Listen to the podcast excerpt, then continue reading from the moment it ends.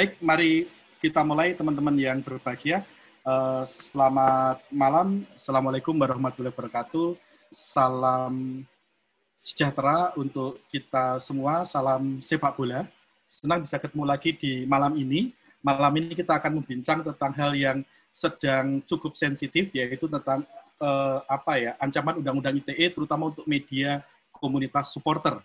Karena uh, di undang-undang pers misalnya memberikan kebebasan ruang terhadap uh, pers kalau kita lihat uh, kondisi pasca reformasi, tapi undang-undang ITE kan setback.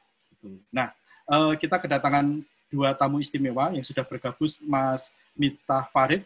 Di flyer sudah disebutkan, beliau aktif di Aliansi Jurnalis Independen dan juga uh, sehari-hari menjadi jurnalis di CNN Indonesia, Biru Surabaya. Salah satu reportasi yang sangat luar biasa adalah uh, apa mendukung tanpa membunuh, Mas ya yang tik gambarnya dari berbagai kota Surabaya, Malang, Jogja, Solo. Kemudian nanti ada Mas Ilham.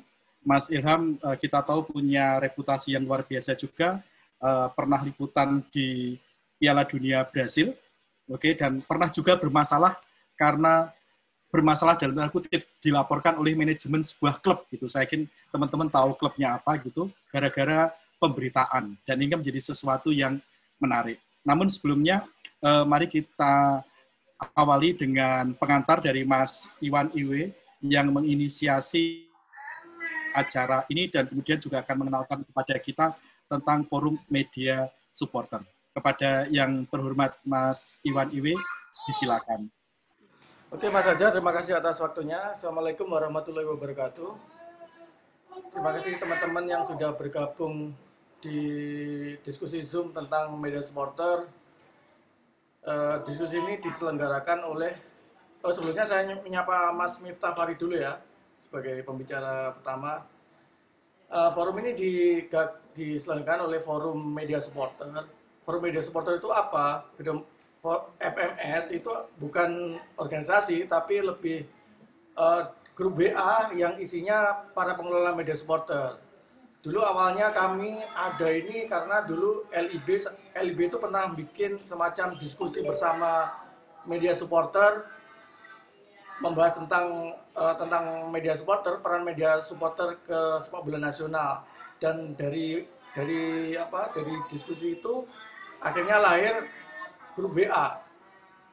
Nah, dan akhirnya kami namakan Forum Media Supporter. Nah, sebenarnya tujuannya itu FMS itu apa? Sebenarnya kan buat sebagai forum belajar sih, karena untuk mengelola sebuah media itu kan sangat sulit. Karena kebanyakan dari kita kan berangkatnya bukan dari orang media, jadi cuma atas dasar kecintaan saja. Karena itu kan biasanya mengelolanya ya based on based on uh, kecintaan, dia nggak ada bayaran, akhirnya ya ya kadang itu mengerjakan itu sesempatnya tapi meskipun begitu produk-produk yang dihasilkan biasanya itu sangat bagus. Dia kayak punya semacam nyawa. Karena apa? Karena memang yang membuat konten-kontennya itu dari supporter. Tentu lain jika dibandingkan dengan media mainstream yang dia hanya hanya menulis konten, membuat konten karena dia digaji. Itu sangat berbeda. Cuman problemnya emang kan karena kita nggak digaji di media supporter, akhirnya konten-kontennya ya seadanya. Terus syarat terus nggak rutin kadang seperti itu. Kita sangat sangat menemui kendala seperti itu. Tapi sebenarnya media supporter jika dikelola dengan serius sebenarnya bisa. Sudah ada beberapa media supporter yang dia pengelola sudah apa sudah profesional. Misalnya kayak Sima Maung itu sudah sudah profesional nah dengan adanya forum ini kita harapkan kita belajar mungkin ada teman-teman pengelola media yang punya success story kita belajar di, di sana uh, diskusi ini adalah diskusi ketiga kita yang kita selenggarakan. Jadi dari dari diskusi ini nanti kita belajar, mungkin nanti yang punya media bisa nanya-nanya bagaimana sih cara mengelola media. Untuk kali ini kan kita belajar bagaimana sih tentang undang-undang ITE karena kan erat kaitannya sama sama kita karena kan selama ini kan media supporter dia tidak uh, dia biasanya nggak punya badan hukum. Padahal kalau menurut undang-undang pers sebuah media dia diakui sebagai produk pers dan diakui oleh Dewan Pers jika dia mempunyai badan hukum salah satunya. Nah, bagaimana media supporter ini bisa terlindung dari ancaman undang-undang ITE? Nah, itu kita cari jawabannya di, di diskusi kali ini. Mungkin begitu saja pengantar dari saya, Mas. Mungkin nanti ada pertanyaan tentang forum media supporter bisa ditanyakan di chat atau nanti ditanyakan langsung ke saya di setelah uh, acara ini. Itu Mas. Mas Fajar. Ya, terima kasih Mas Iwan Iwe. Selanjutnya kita masuk ke sesi pertama. Uh, kita akan mengawali dengan Mas Miftah Farid seperti yang sudah kami introduksikan di awal. Mas Miftah Farid aktif di Aliansi Jurnalis Independen dan kita tahu selama ini AJI adalah organisasi jurnalis yang cukup concern, sangat-sangat concern terhadap uh, kemerdekaan pers. Dan selama ini sepengetahuan saya kalau di Jogja misalnya seperti Mas Bambang MBK, Mas Hendrawan, mereka sangat care dengan teman-teman di pers kampus. Kalau ada apa-apa dengan pers kampus, teman-teman ini yang sering kali mengadvokasi. Silakan, Farid.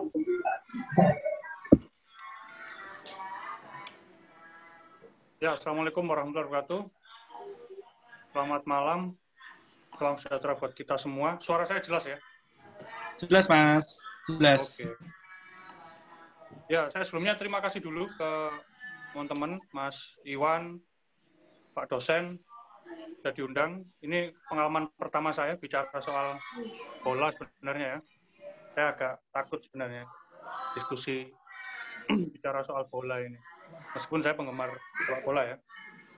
Uh, tapi jadi menarik kalau kita bicara soal sesuatu yang general dan itu berkaitan langsung dengan kita ya. Uh, beberapa tahun yang lalu itu ada uh, seorang jurnalis olahraga, biasa dia liputan sepak bola ya, datang ke Aji Surabaya. Kebetulan saya waktu itu masih jadi ketua Aji Surabaya. Dia mau daftar jadi anggota Aji Surabaya, tapi takut. Takutnya saya ini wartawan olahraga, Mas. Nanti kalau gabung Aji, nggak sesuai ekspektasi gitu loh.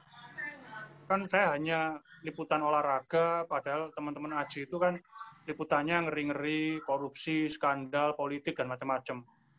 Nah, saya tanya ke teman ini, teman, uh, sudah berapa lama jadi wartawan? Sudah beberapa tahun lah.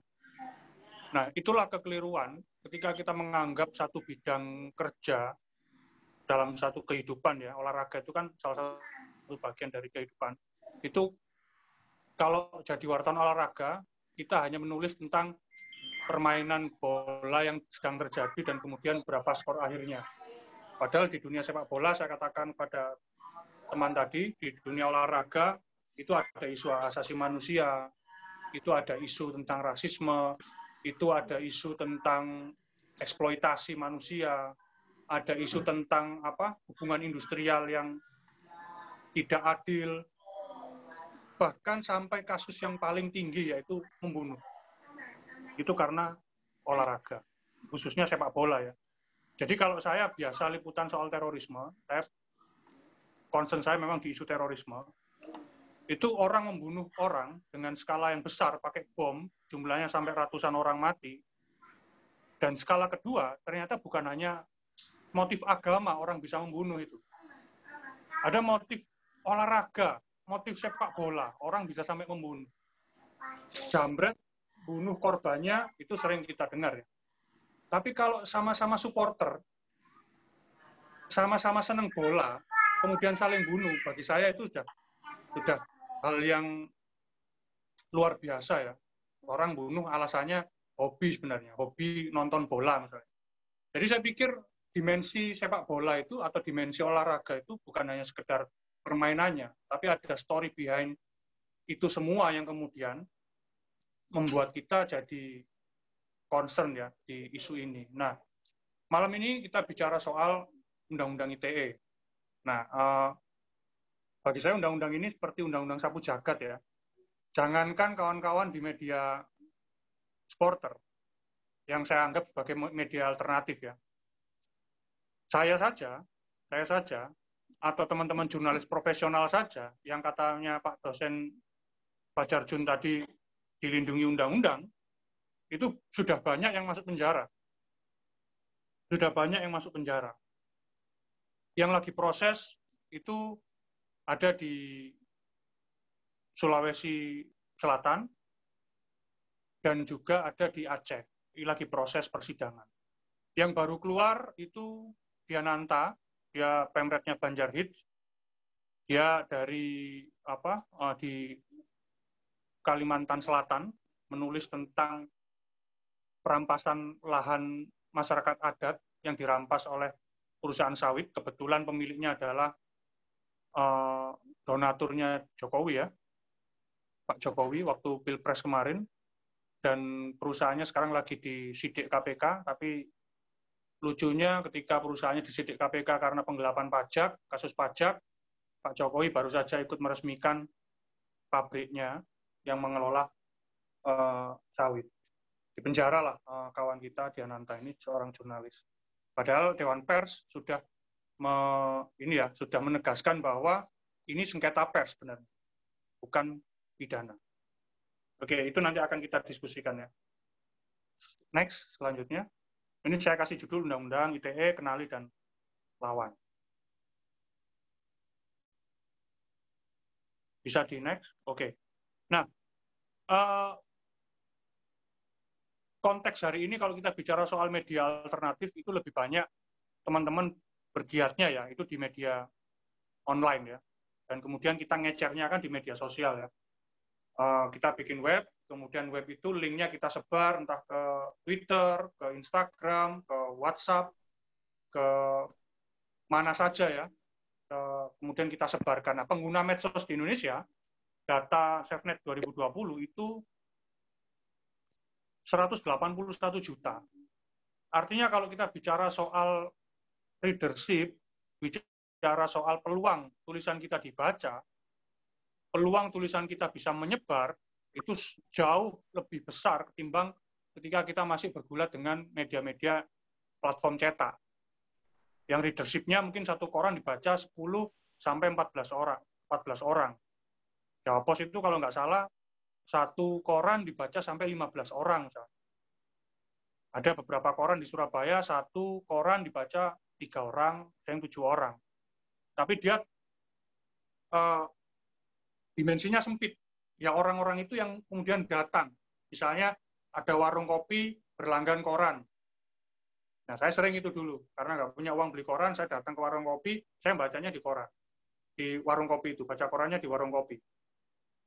Jadi koran itu nanti kan digilir, muter kan. Nah, itu kalau dihitung rata-rata satu koran dibaca 15 orang. Nah, tapi kita sudah di era uh, internet yang mungkin ini menjadi satu alasan, salah satu alasan kenapa kawan-kawan uh, bergiat di media-media komunitas atau media supporter. Oke, lanjut.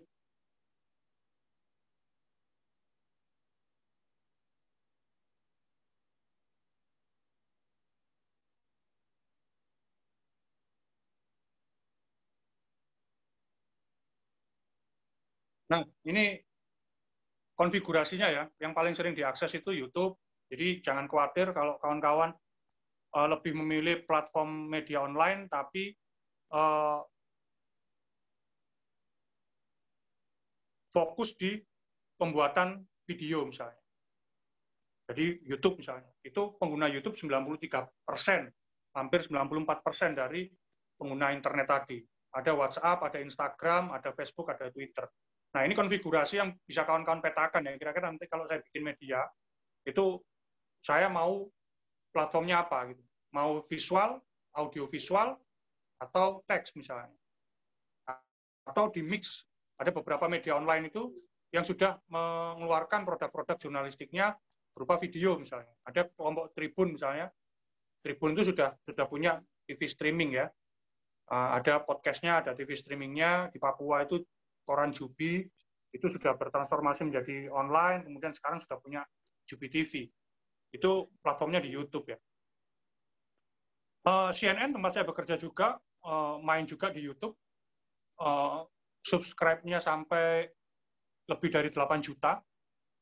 Dan viewernya untuk konten-konten tertentu bisa sampai jutaan ya, satu, satu kali konten yang di-share tergantung kualitas dan minat dari masyarakat untuk mengaksesnya. Nah, ada WhatsApp. WhatsApp ini paling murah ya kalau kita mau memasarkan produk jurnalistik kita. Ada Instagram, ada Facebook, ada Twitter. Oke, okay, next.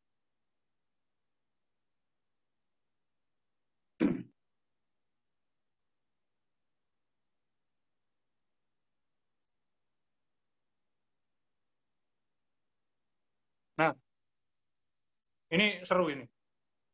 Uh, pasca reformasi, ya, pasca reformasi, kemerdekaan pers itu benar-benar membuka peluang bagi siapa saja untuk mendirikan perusahaan pers. Ya, tapi pertanyaannya apakah laju demokrasi itu sejalan dengan konfigurasi kepemilikan media? Itu yang dikritik oleh uh, Ross top top siapa ya? Top sell ya? Mas Tapsel dalam buku nah itu dalam bukunya yang bercerita soal konglomerasi, konglomerasi media. Meskipun tulisan itu sebenarnya bukan hal yang baru karena beberapa kawan juga sudah menulis tentang uh, apa konfigurasi kepemilikan media. Jadi ada kepemilikan ya satu dua tiga empat lima enam tujuh delapan. Ada delapan ada delapan kelompok atau individu yang menguasai ribuan media yang ada di Indonesia. Meskipun jumlah mereka tidak ribuan, tapi media-media ini adalah media mainstream yang setiap hari kita konsumsi, yang setiap hari kita nikmati, yang setiap hari bisa mengubah pola perilaku kita, yang setiap hari bisa mempengaruhi kebijakan-kebijakan pemerintah. Artinya ini menyangkut hidup kita. Apa yang kita pikirkan ya, dan apa yang kemudian kita jalankan itu bisa saja bergantung pada apa yang disajikan oleh media-media ini. Nah, Uh, termasuk juga bos saya, Pak Ferul Tanjung, punya banyak sekali media. Ada Jawa Post Group, ada Abu Rizal Bakri, Haritanu, apalagi. Dan mereka tidak pure bisnis. Mereka juga politikus, misalnya Surya Paloh, uh, Ketua Nasdem, ya kan, pemilik pemilik media, dan dia menjadi bagian dari pemerintah, ya kan, dan bisa ditebak bagaimana kemudian pola pemberitaan yang muncul yang setiap hari kemudian kita konsumsi. Sama juga dengan Haritanu misalnya, dia punya partai, kalau Haritanu ingin partainya jadi oposisi, maka berita di grupnya media tempat dia ada ya, arahnya akan oposisi, kalau berkoalisi arahnya juga akan berkoalisi. Jadi seperti itu ya. Uh, ini yang kemudian membuat Eh, banyak sekali kelompok-kelompok masyarakat, entitas-entitas dalam masyarakat mengalami titik kulminasi, titik jenuh, bahwa apa yang berkaitan dengan hajat hidupnya itu sulit sekali tembus di media-media ini. Karena apa? Ya tadi, ada faktor bisnis, ada faktor politis. Sehingga apa yang menyangkut hajat hidup kita, itu sulit untuk tembus. Maka tidak heran kemudian muncul banyak sekali media alternatif.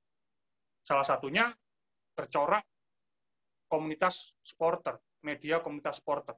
Itu salah satu dari jawaban kenapa kawan-kawan memilih untuk mendirikan media sendiri.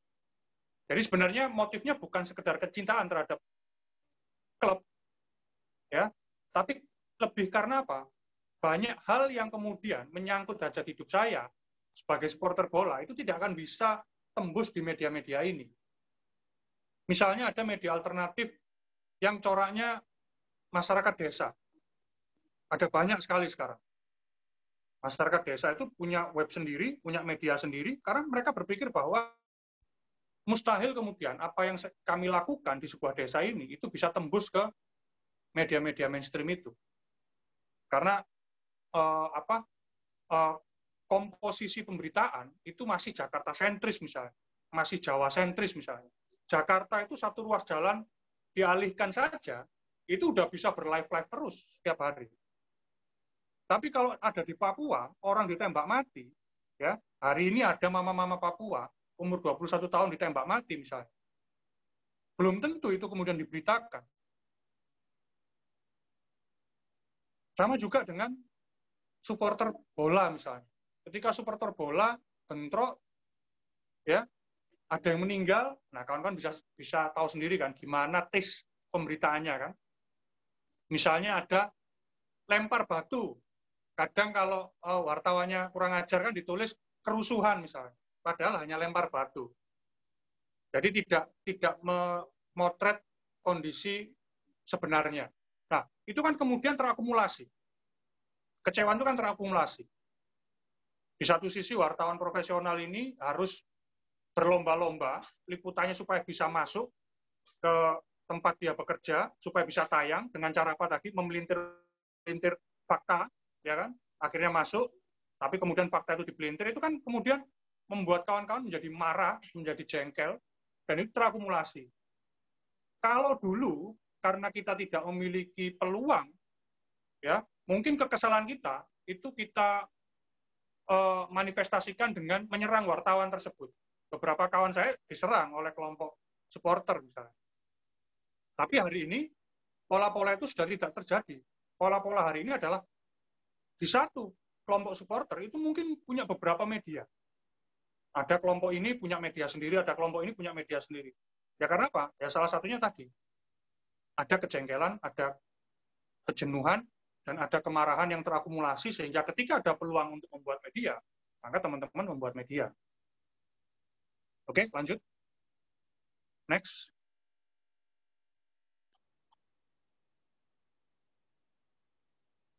Nah, ini yang harus dijawab dulu oleh kawan-kawan. Saya pernah berdiskusi, berdiskusi lama ya dengan Mas Iwan ya. Apakah media komunitas adalah produk jurnalistik?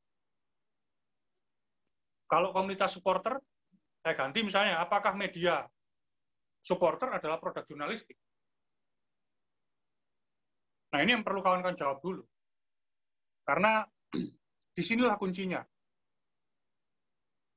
Misalnya sebuah gereja ya punya umat, punya jemaat, kemudian mereka punya media. Media komunitas gereja itu apakah media itu termasuk produk jurnalistik?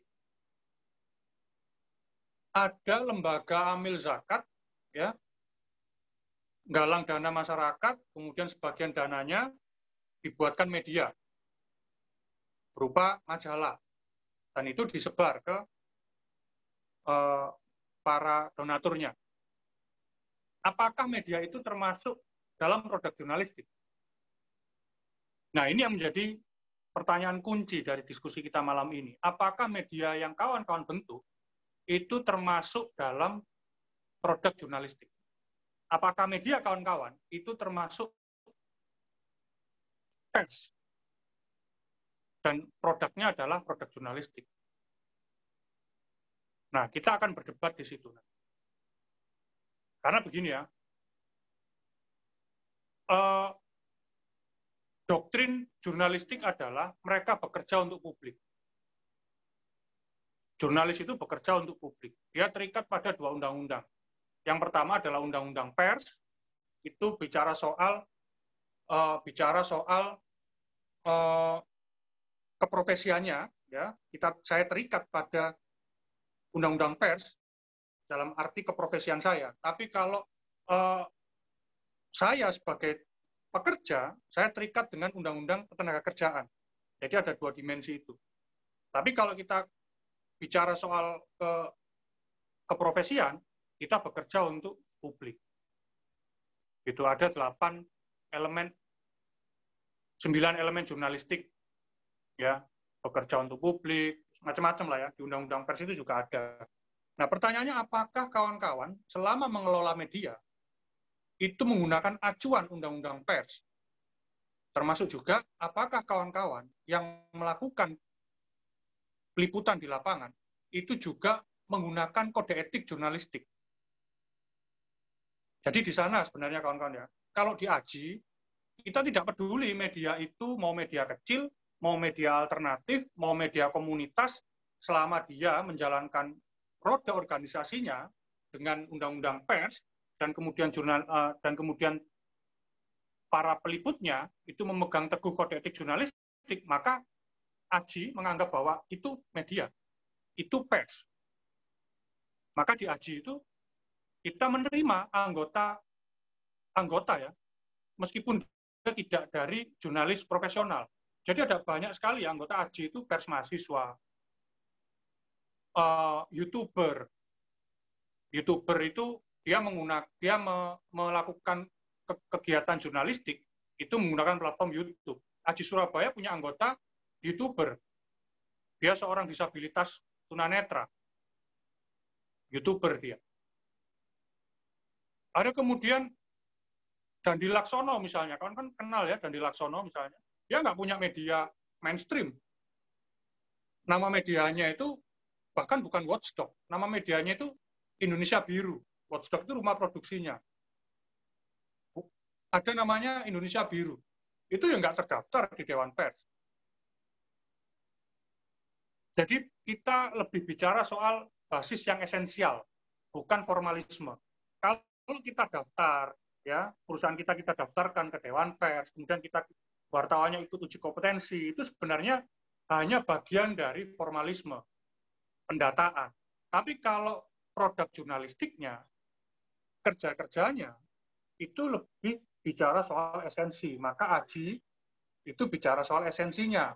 Kalau media media supporter kawan-kawan, ya misalnya uh, punyanya Mas Iwan misalnya, mengguna, me, meng, apa, mengoperasikan medianya berdasarkan undang-undang pers dan wartawan-wartawan yang bekerja itu menggunakan uh, memegang teguh kode etik jurnalistik, maka Aji berani katakan bahwa itu adalah pers. Bahwa itu adalah pers. Ambil contoh misalnya ya, lu kenapa kok Aji berani menganggap itu pers? Sederhana saja misalnya, ada sebuah stasiun televisi mainstream, besar sekali dia, dimiliki konglomerat, modalnya besar, kita tahu bahwa itu media. Tapi begitu praktiknya, ya praktiknya partisan. TV ini mendukung salah satu calon presiden misalnya. Membabi buta seperti itu. Ya 2014 kawan-kawan tahu sendirilah, ada TV biru, TV merah. TV biru bela Jokowi, TV merah bela Prabowo. Media ini terverifikasi. Pemret dan jajarannya itu juga ikut uji kompetensinya Dewan Pers. Saya pertanyaannya apa yang dilakukan Dewan Pers? Nggak ada. TV-nya hari, sampai hari ini tetap partisan, ya. Orang-orang juga tetap partisan. Apakah kemudian verifikasi Dewan Persnya dicabut? Ternyata enggak. Apakah kemudian disanksi sama Dewan Pers? Enggak. Nah, kalau kemudian Dewan Pers ya tidak memberi tidak membuat sikap yang tegas terhadap praktek itu, kenapa kok kemudian ada media rintisan, ada media komunitas ya, ada media supporter yang lebih teguh memegang prinsip-prinsip jurnalistik, lebih teguh memegang kode etik jurnalistik kok nggak dianggap? Kok dicibir? Kok dianggap bukan produk pers dan macam-macam? Maka Aji dengan jelas mengatakan bahwa kita bicara soal esensinya, bukan bicara soal formalitasnya. Gitu ya. Oke, ini akan menarik karena kita belajar mengidentifikasi diri. Ya, contoh lain misalnya ada wartawan ikut uji kompetensi eh, apa Dewan Pers, tapi setiap hari terima duit dari narsum. Setiap hari makan siang dengan narsum, hehehe di kafe, pesta-pesta dengan narasumbernya, dan di situ kemudian dia menumpuk konflik kepentingan. Ya artinya apa? Ya sebenarnya uh, uji kompetensi jurnalis itu sampai hari ini ya pada prakteknya kalau kita nggak tegas ya hanya sebatas pada formalitas. Oke, okay, next.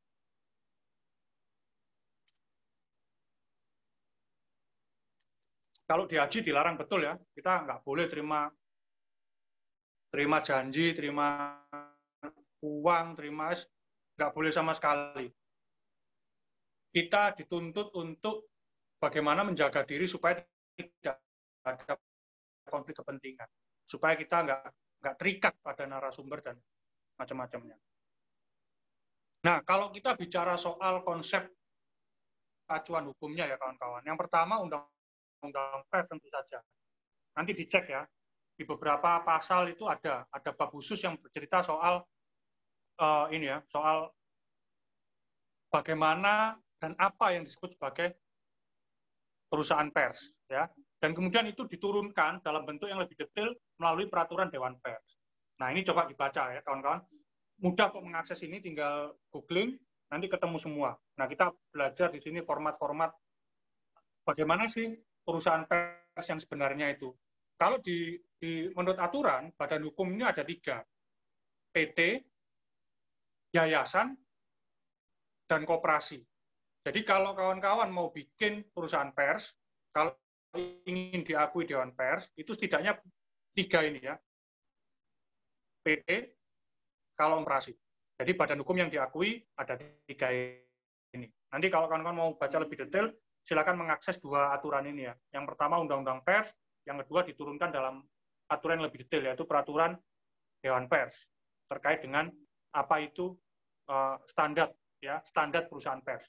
Jadi standar perusahaan pers itu macam-macam ya kawan-kawan ya ada hak dan kewajibannya, termasuk apakah perusahaan pers itu mensejahterakan pekerjanya. Jadi ada acuan-acuannya. For apa uh, struktur pengurusnya bagaimana, struktur redaksinya bagaimana. Ada kewajiban-kewajiban, misalnya kewajiban untuk memberikan pendampingan hukum bagi jurnalisnya. Saya punya banyak pengalaman advokasi jurnalis itu ya mentoknya di perusahaan persnya. Ada perusahaan pers ya, ya ada satu koran yang wartawannya dipukuli, kita advokasi, ya kemudian yang mukul itu ketemu sama perusahaannya ini, ya nego deal-dealan masang iklan supaya kasus ini nggak ditarik ke ranah pidana. Nah, di situ saja itu sudah nggak masuk kriteria sudah. Dewan Pers seharusnya bisa bersikap, tapi sekali lagi Dewan Pers mandul ya. Jadi aturan yang dibuat itu sulit untuk di sulit untuk diaplikasikan. Jadi ada perusahaan pers ya yang wartawannya dipukuli, kita ngotot untuk mengadvokasi, wartawannya juga ngotot untuk menyelesaikan ini di pengadilan. Lah kok perusahaannya nego deal-dealan sama yang mukuli mau ditukar iklan. Ya begitulah. Oke, lanjut.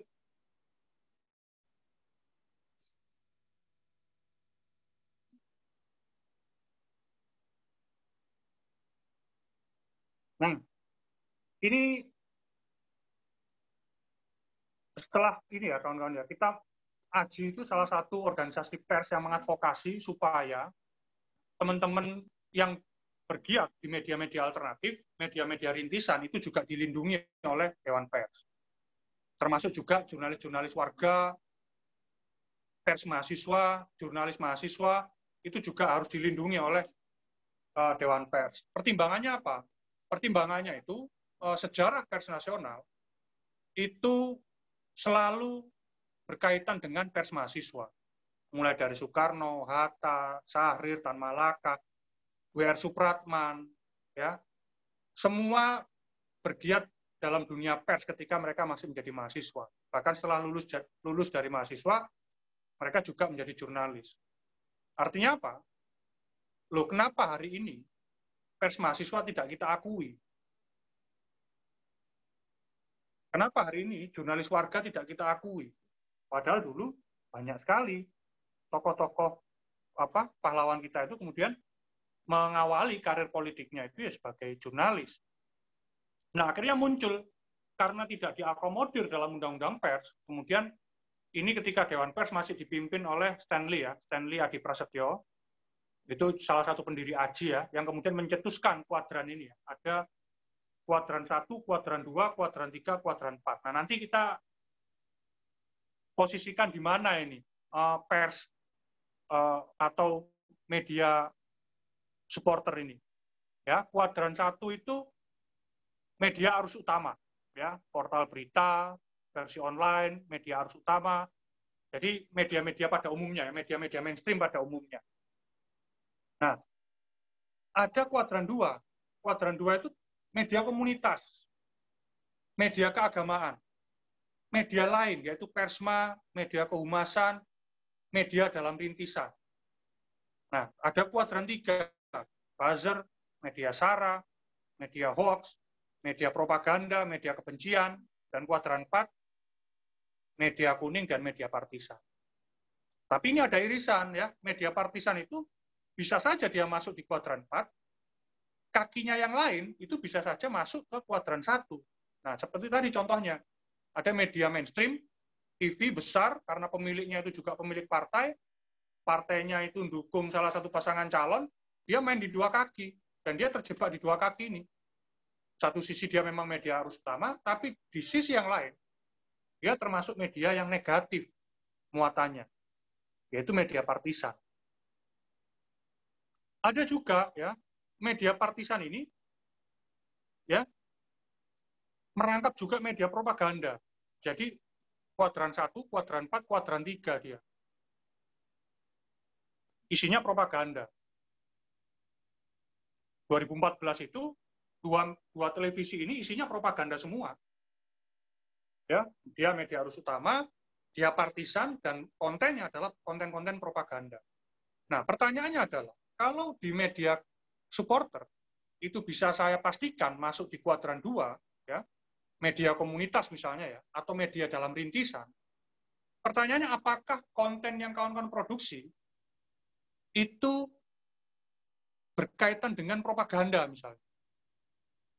Saya pecinta Persebaya misalnya, saya pecinta Arema, saya pecinta PSM, saya pecinta Persija, saya pecinta Persib misalnya. Dan media saya kemudian kalau dalam bahasa Jawa ya, ngapi-ngapino terus. Ya. Terus dipoles terus, bagus-bagusnya terus. Hati-hati kawan-kawan, kalau pola pendekatan seperti itu, kita akan masuk dalam media yang disebut media propaganda. Itu ya. Jadi kita punya kebijakan redaksi sing elek gak ditokno, sing apik tokno. Yang jelek jangan dikeluarkan, yang bagus-bagus saja yang dikeluarkan. Yang yang jelek ditutupi, bahkan di, di apa di dimanipulasi, dipoles supaya jadi bagus ya. Itu yang disebut sebagai jurnalisme lipstick ya, jurnalisme make up di make up supaya bagus, itu namanya media propaganda. Dan itu terus diterus di diproduksi secara terus menerus. Itu yang disebut sebagai propaganda. Nah, oke, okay, lanjut. Ini kita bicara soal bagaimana kemudian kalau ada sesuatu. Nah, jadi kuadran satu ya, ya kuadran satu itu memiliki status jelas, terverifikasi Dewan Pers, ada penanggung jawab, ada alamat redaksi, memenuhi syarat undang-undang dan peraturan Dewan Pers, dikelola oleh wartawan kompeten, isi mentaati KEJ, kode etik jurnalistik, membela kepentingan umum, dan menjalankan fungsi pers secara benar. Nah, fungsi pers itu apa? Kawan-kawan baca di Undang-Undang Pers. Edukasi, macam-macam ya, banyak sekali fungsi pers. Nah, yang kedua, status kurang jelas, belum memenuhi syarat badan hukum. Persma misalnya. Persma itu oleh Dewan Pers dimasukkan ke kuadran 2 karena dia nggak punya badan hukum. Tapi beberapa pakar hukum ya yang saya ajak diskusi, badan hukum Persma itu terikat pada badan hukum kelembagaan kampus itu statuta kampus, dan macam-macamnya. Jadi terikat dia. Artinya dia, dia punya badan hukum. Itu kalau versi beberapa kawan-kawan saya yang punya background hukum ya, hukum ketatanegaraan. Tapi Dewan Pers masukkan ini ke status kurang jelas. Tapi isinya mentaati kode etik jurnalistik dan menjalankan fungsi pers secara benar. Nah ini seperti yang saya katakan tadi, menjalankan fungsi jurnalistik dengan benar. Sebagian memiliki penanggung jawab dan mencantumkan alamat redaksi. Saya cinta klub tertentu. Saya bikin medianya. Saya menjalankan kode etik jurnalistik. Saya mengelola media saya sesuai dengan undang-undang pers, mencantumkan alamat redaksi, ya, memiliki penanggung jawab, menjalankan fungsi-fungsi kejurnalistikan, tapi status saya kurang jelas. Nggak punya badan hukum karena nggak punya uang misalnya. Nggak punya uang buat akta pendirian perusahaan, kan. nggak punya uang untuk bikin PT, nggak punya kemampuan, nggak punya keterampilan, nggak punya akses untuk mendirikan yayasan dan koperasi misalnya. Jadi saya bikin begitu saja. Sekarang kan bikin web murah kan? 500 ribu, 1 juta 500 tahun sudah bisa. Nah, kalau kemudian ada apa-apa, nah, apa yang harus dilakukan nanti ada ada penjelasannya. Yang ketiga, status tidak jelas, juga tidak terdaftar, tidak mencantumkan penanggung jawab, ya, bermuatan negatif, dan macam-macam ya. Cara, kemudian memutarbalikkan fakta.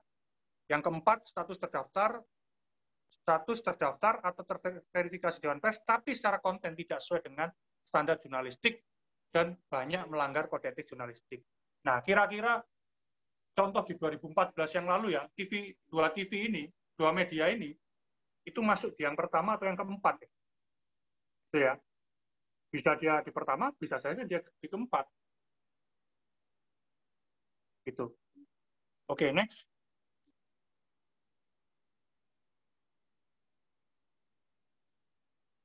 Nah, saya lupa ada slide lagi sebenarnya ya. Uh, bisa back sebentar, back. Sorry, back lagi, back lagi. Nah, jadi kalau di kuadran satu dan kuadran dua, ketika ada sengketa jurnalistik, maka lembaga yang melakukan pengusutan atau penyelidikan, atau misalnya kepolisian atau kejaksaan, misalnya ya, itu wajib berkoordinasi dengan Dewan Pers. Ya, kalau kuadran satu jelas. Kalau kuadran dua, tujuannya adalah untuk menjamin kebebasan berekspresi kalau kuadran satu untuk supremasi pers ya. Tapi kalau kuadran dua itu untuk menjamin kebebasan berekspresi.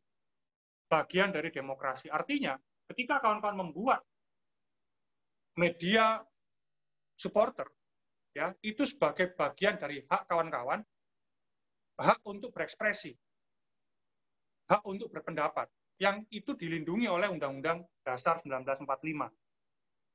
Maka ketika terjadi sengketa, ya, ketika terjadi sengketa misalnya uh, media supporter A misalnya ya, bersengketa dengan klubnya ini, klub bola misalnya, atau dengan PSSI misalnya. PSSI kemudian lapor polisi atau klub ini lapor ke polisi. Nah, polisi wajib berkoordinasi dengan Dewan Pers sebagai bagian dari menjamin kebebasan berpendapat, menjamin kebebasan berekspresi, ya, sekaligus menjamin kebebasan berorganisasi, misalnya. Berkumpul. Nanti kemudian Dewan Pers akan mengeluarkan legal standing atau pernyataan. Bagaimana sebenarnya posisi dari produk jurnalistik yang dikeluarkan oleh media kawan-kawan. Gitu ya. Apakah produknya itu sesuai dengan standar jurnalistik? apakah perusahaan persnya itu terdaftar atau tidak. Nah, itu akan menjadi pertimbangan. Ya, oke, lanjut. Ke yang tadi. Nah, problemnya di sini, kawan-kawan. Problemnya di sini. Sertifikasi jurnalis dan sorry, ini typo ya. Harusnya verifikasi media massa. Saya metiknya pukul satu malam, jadi agak limbung masanya. Harusnya verifikasi ya, sertifikasi jurnalis dan verifikasi. Nah, belakangan kita ketahui ya, eh, divisi bidang advokasi AJI ya secara nasional itu mencatat ada pola. Ya, ada pola di beberapa daerah ketika seorang pejabat misalnya atau siapa pun ya yang kemudian melaporkan wartawan ke polisi itu polisinya tanya ke dewan pers ya apakah media ini terverifikasi di Dewan Pers? Dewan Pers jawab, oh tidak terverifikasi, berarti masuk pidana. Jadi polanya sekarang sesederhana itu. Jadi verifikasi media massa itu sekarang menjadi stempel seperti zaman Orba. Kalau dulu Orba kan ada siup ya, Pak Fajarjun mungkin zamani waktu itu saya masih SMP, jadi nggak tahu ya. Surat izin usaha penerbitan pers. Iya. Jadi siup itu adalah uh, pisau pisau yang dipegang oleh pemerintah ya yang kemudian ditaruh di lehernya media. Kalau medianya main-main dengan uh, apa main-main dengan penguasa Soeharto pada waktu itu tinggal digorok, mati medianya. Tinggal dicabut surat-surat izinnya itu. Siupnya itu selesai. Nah, sekarang seperti itu. Misalnya ada media A. Dia kerja-kerja jurnalistiknya sesuai dengan kode etik jurnalistik. Mengelola medianya sesuai dengan uh, undang-undang pers. Tapi belum terverifikasi. Dilaporkan. Polisi bertanya ke Dewan Pers, Dewan Pers jawab, media ini belum ter, belum verifikasi Dewan belum terverifikasi Dewan Pers, langsung dipidana. Jadi sekarang seperti stempel verifikasi, padahal hakikat verifikasi itu adalah pendataan. Sebenarnya hanya pendataan, bukan untuk vonis media ini disebut media massa atau bukan.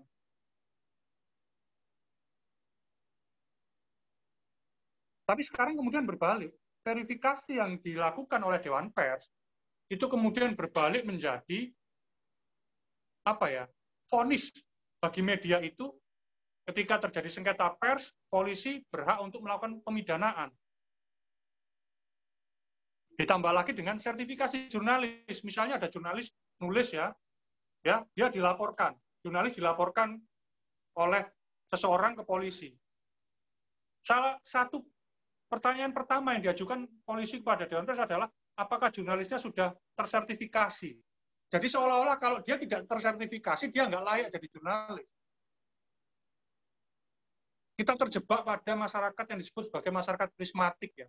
Jadi masyarakat yang ngamba pada sesuatu yang formil, yang formalisme. Kita lepas dari hal yang esensi. Seperti yang saya, saya contohkan tadi, ada jurnalis sudah ikut UKW misalnya, ya uji kompetensi wartawan.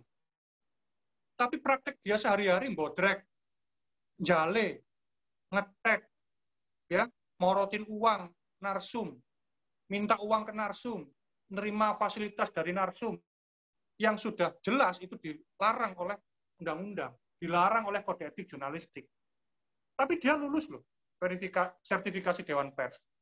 Artinya apa ya? Kemudian sertifikasi itu kan hanya sebatas pendataan bahwa dia adalah wartawan. Tapi problemnya apakah kemudian dia mentaati kode etik jurnalistik? Itu masalah yang berbeda.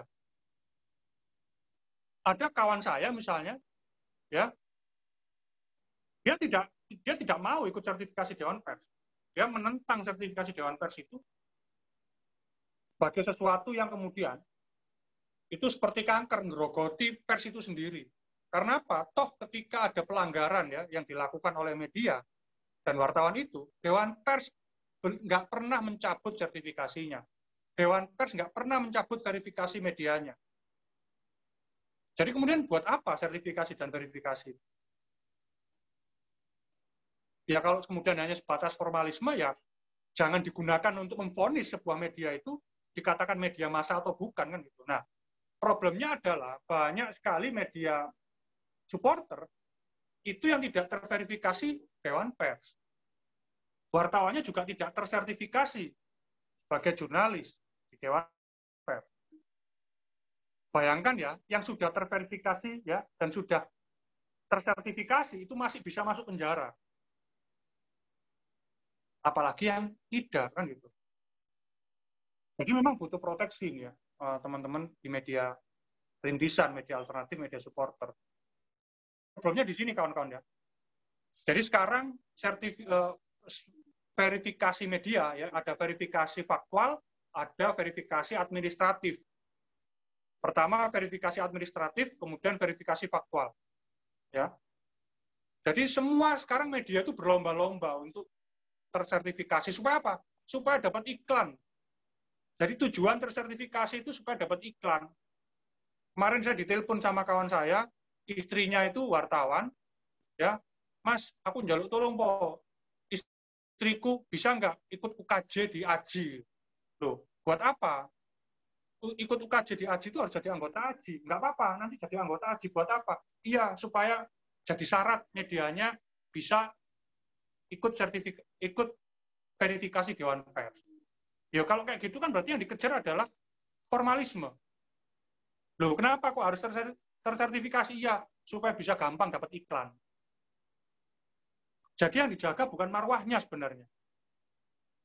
Semangatnya bukan menjaga marwah sebenarnya. Kalau sertifikasi dan uh, verifikasi ini. Kalau hari ini ya, itu. Lanjut.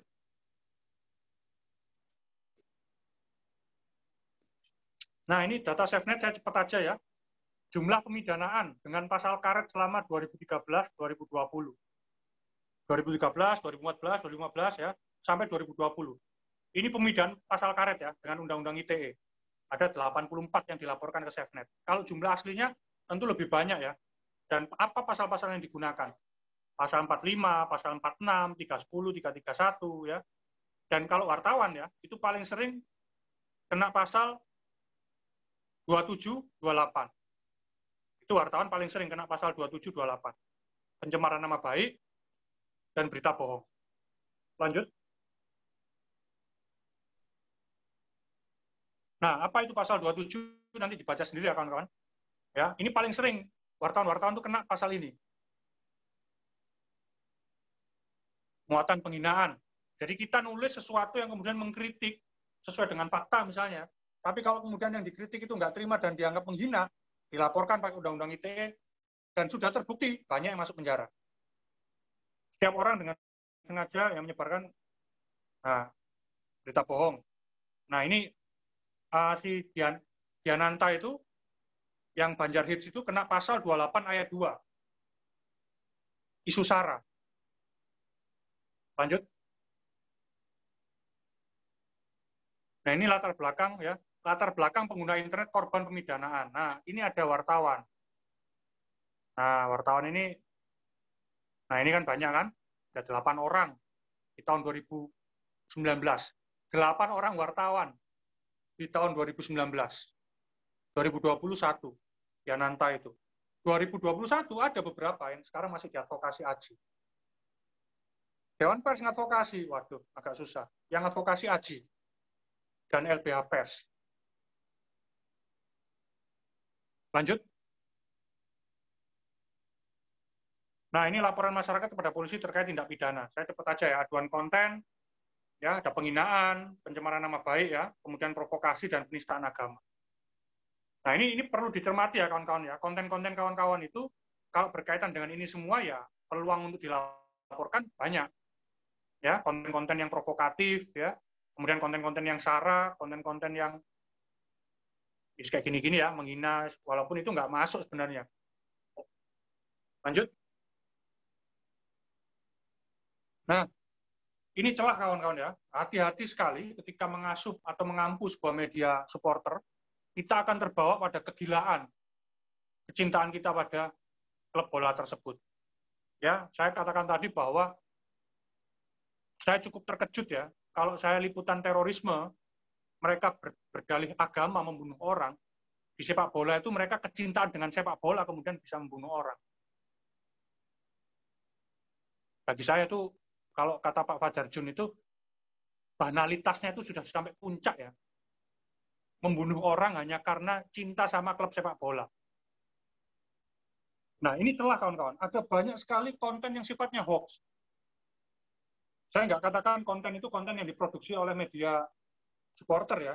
Tapi di kalangan supporter itu mereka kan juga meng, isu-isu, meng-create informasi. Ya, hoax.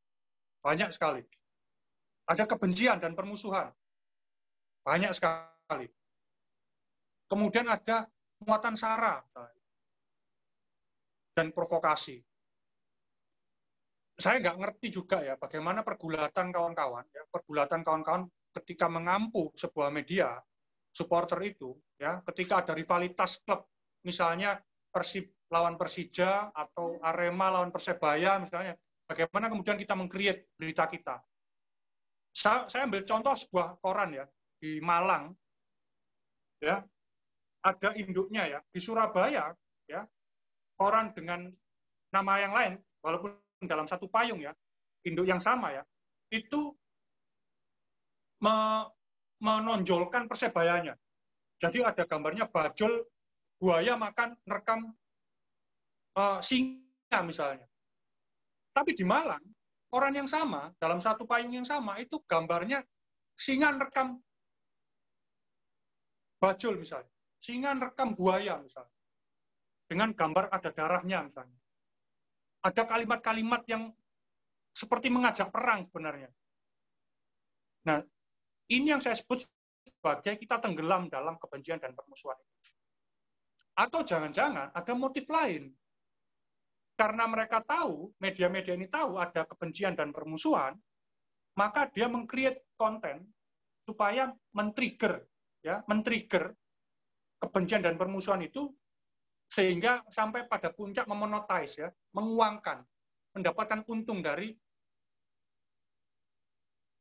mendapatkan untung dari kebencian dan permusuhan dua supporter klub bola ini. Nah, makanya saya tidak tahu ya bagaimana suasana hati kawan-kawan ya yang mengampu media supporter ini ketika melakukan peliputan di situasi seperti itu. Kita kembali misalnya tugas jurnalis itu, tugas pers itu adalah ya mengklirkan hoax, mereduksi kebencian dan permusuhan. Ada yang disebut sebagai jurnalisme damai, jurnalisme solusi misalnya. Bahkan jurnalisme itu sendiri ya itu melarang kita ya untuk membuat konten-konten yang sifatnya kebencian dan permusuhan. Nah, ini salah satu liputan saya dulu. Saya terinspirasi ya dengan beberapa kawan-kawan supporter mendukung Tama Membunuh ini lahir dari kegelisahan saya itu. Bayangkan hanya cinta sama klub sampai membunuh orang itu loh. Dan di, di di produk jurnalistik yang saya buat ini itu juga mengkritik praktek media yang juga ikut serta mempertebal kebencian dan permusuhan itu. Saya sampai masuk ke apa ke perpustakaannya Jawa Pos, buka-buka Jawa Pos Tempo dulu. Bagaimana Jawa Pos dulu ketika tahun 80-an itu mengkreat 80-an 90-an itu ya mengkreat Persebaya, merangkul Persebaya dan menjadi produk jurnalistik gincu ya ngapi-ngapi no Persebaya gitu ya. Kemudian ketika Jawa Pos dipegang oleh uh, Azrul Ananda. Kebetulan Azrul Ananda juga presiden uh, Persebaya. Jawa Pos terjebak pada praktek uh, jurnalisme ginju juga kan. Dan itu mempertebal kebencian. Karena banyak sekali fakta yang kemudian tertutupi dan macam-macamnya. Apakah itu melanggar kode etik jurnalistik? Jelas melanggar kode etik. Jelas. Nah, celah-celahnya di sini kawan-kawan. Makanya sangat hati-hati dalam membuat konten. Oke, lanjut. Nah, ini. Begitu bulan madu selesai, ya, Jawa Pos dilaporkan Persebaya. Pakai apa? Undang-undang ITE. Jawa Pos itu perusahaan media terverifikasi Dewan Pers, wartawannya juga punya sertifikat UKJ, UKW, dilaporkan Persebaya, menggunakan Undang-Undang ITE. Persebaya melaporkan Jawa Pos. Padahal Jawa Pos, apa pun ya di luar liputan itu salah atau benar, selama liputan itu dibuat dengan standar jurnalistik, maka dia harus masuk ke sengketa jurnalistik. Di Dewan Pers lah kemudian itu bisa diselesaikan. Lanjut. Nah, ini yang saya katakan tadi. Project Multatuli, jadi liputan ini ya, liputan terduga ya, liputan tiga anak diperkosa bapak kandungnya, ya, dilaporkan polisi, tapi percuma lapor polisi, kemudian kasus ini nggak nggak selesai ya. Nah, Project Multatuli itu me, mengangkat isu, mengangkat berita ini. Pertanyaannya, kawan-kawan Tahu nggak proyek Multatuli itu apa kan itu? Belum banyak yang tahu. Tapi saya tahu semua orang-orang di dalam proyek Multatuli itu ya kawan-kawan Aji semua, kawan-kawan saya di Aji. Keluar mereka dari media mainstream yang menggaji mereka dengan besar, mereka keluar, kemudian mereka bersepakat membuat proyek Multatuli karena apa? Mereka resah. Banyak berita-berita yang tidak tercover oleh media mainstream, padahal itu menyangkut hajat hidup orang banyak. Maka mereka bersepakat membuat Project Multatuli. Project Multatuli sebagai media online belum terverifikasi Dewan Pers. Tapi praktek operasional medianya, saya yakin 100% dikelola sesuai dengan standar pers, undang-undang pers, dan jurnalis-jurnalis di dalamnya itu juga memiliki komitmen memegang teguh kode etik jurnalistik, tapi oleh polisi, ya itu tadi, Proyek Murtatuli sudah terverifikasi Dewan Pers belum? Belum. Begitu dia Proyek Murtatuli dilaporkan oleh orang yang diduga memperkosa tiga anak kandungnya ini. Jadi Proyek Multatuli kemudian dilaporkan, narasumbernya dilaporkan, Proyek Multatulinya dilaporkan. Celakanya laporan itu diterima.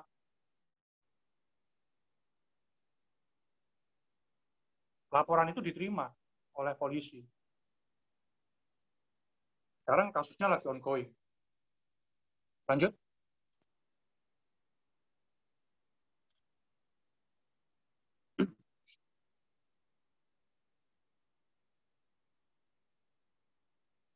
Mas Iwan, next.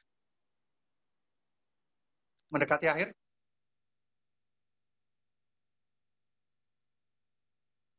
Oke, nah ini kasus Asrul ya.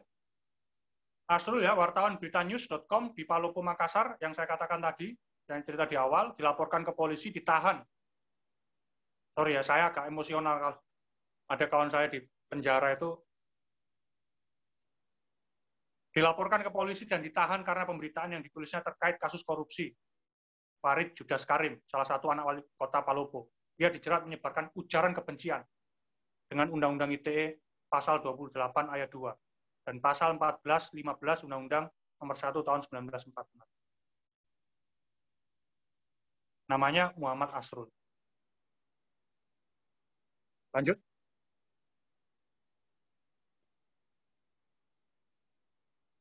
Muhammad Sadli.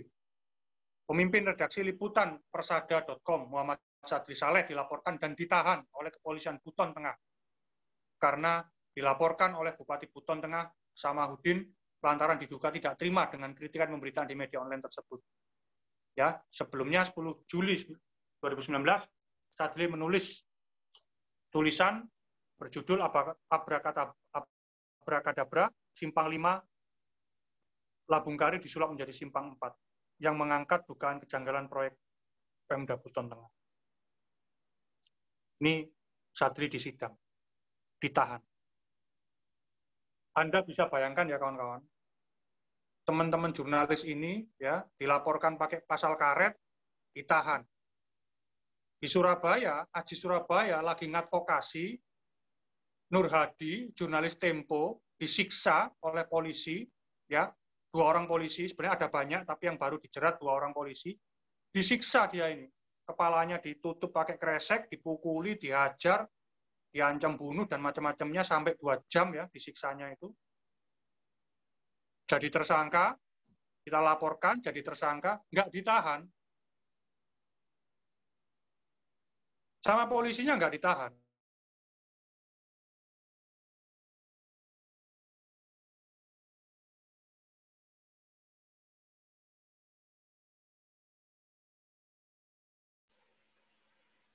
Cek Mas Miftah kayaknya nge-freeze. Halo Mas. Oke. Okay. Oke Mas, siap. Sudah terdengar lagi. Sempat nge-freeze tadi. Oke. Jadi Anda bisa bayangkan ya, si Nur Hadi ini dilindungi harus di bawah perlindungan LPSK. Ya, saya sendiri nggak tahu dia ditaruh di safe house di mana. Polisinya masih keliaran ini yang mukul, yang nyiksa masih keliaran dan masih bertugas. Ya, itu wajah hukum kita ya. Itu wajah hukum kita.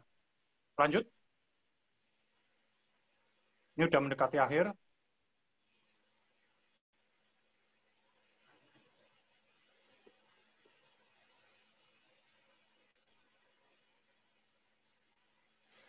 Ini nggak usah ya, nggak usah. Baca sendiri ya. Ini serangan-serangan. Nah, jadi saya akan disuruh Mas Iwan, Mas, nanti ini ya, jadi pembicara ya, diskusinya bagaimana supaya tidak terjerat Undang-Undang ITE. Nggak bisa, Mas. Semua bisa kena. Undang-undang ini luar biasa jahatnya. Semua bisa kena. Siapa pun, dosen, bahkan Surabaya itu ada customer ya customer di salon kecantikan ya klinik kecantikan habis habis perawatan di sana puluhan juta, belasan juta, mukanya bopeng-bopeng, kemudian dia mengeluh di medsos, sama kliniknya dilaporkan polisi, jadi tersangka. Padahal dia konsumen, mengeluh. Nah, ketika semua bisa kena, apa yang harus kita lakukan? Kan gitu pertanyaannya. Yang pertama adalah, yang membahagiakan adalah, kawan-kawan yang mengampu media supporter ini, sudah punya grup ternyata kan, forum media supporter. Artinya apa? Kawan-kawan sudah terliterasi sebenarnya. Berorganisasi itu meskipun dia nggak ada strukturnya ya, tapi berkumpul ya, berforum itu salah satu bentuk upaya untuk meliterasi diri. Kenapa literasi itu penting? Ya itu tadi. Supaya kita tahu hak dan kewajiban kita. Supaya kita tahu bagaimana kemudian ketika kita mendeklar diri kita sebagai jurnalis, mendeklar media kita itu media massa, maka kita tahu resiko, hak, dan kewajibannya. Nah, setelah kita terliterasi, kita harus mengadvokasi. Mengadvokasi itu ada banyak macam-macam ya, kawan-kawan ya. Advokasi litigasi, advokasi non-litigasi. Di beberapa kota seperti di Bandung misalnya ya, teman-teman Aji Bandung itu punya paralegal. Jadi teman-teman jurnalis dia nggak punya SIM untuk beracara sebagai pengacara, tapi mereka bisa menjadi paralegal.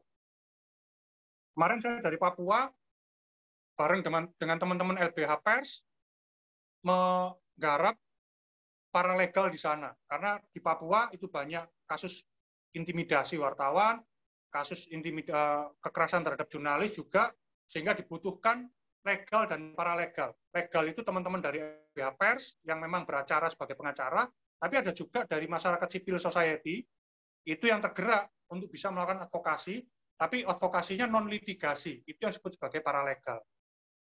Jadi membantu untuk memberikan kajian-kajian hukum, pendampingan-pendampingan hukum.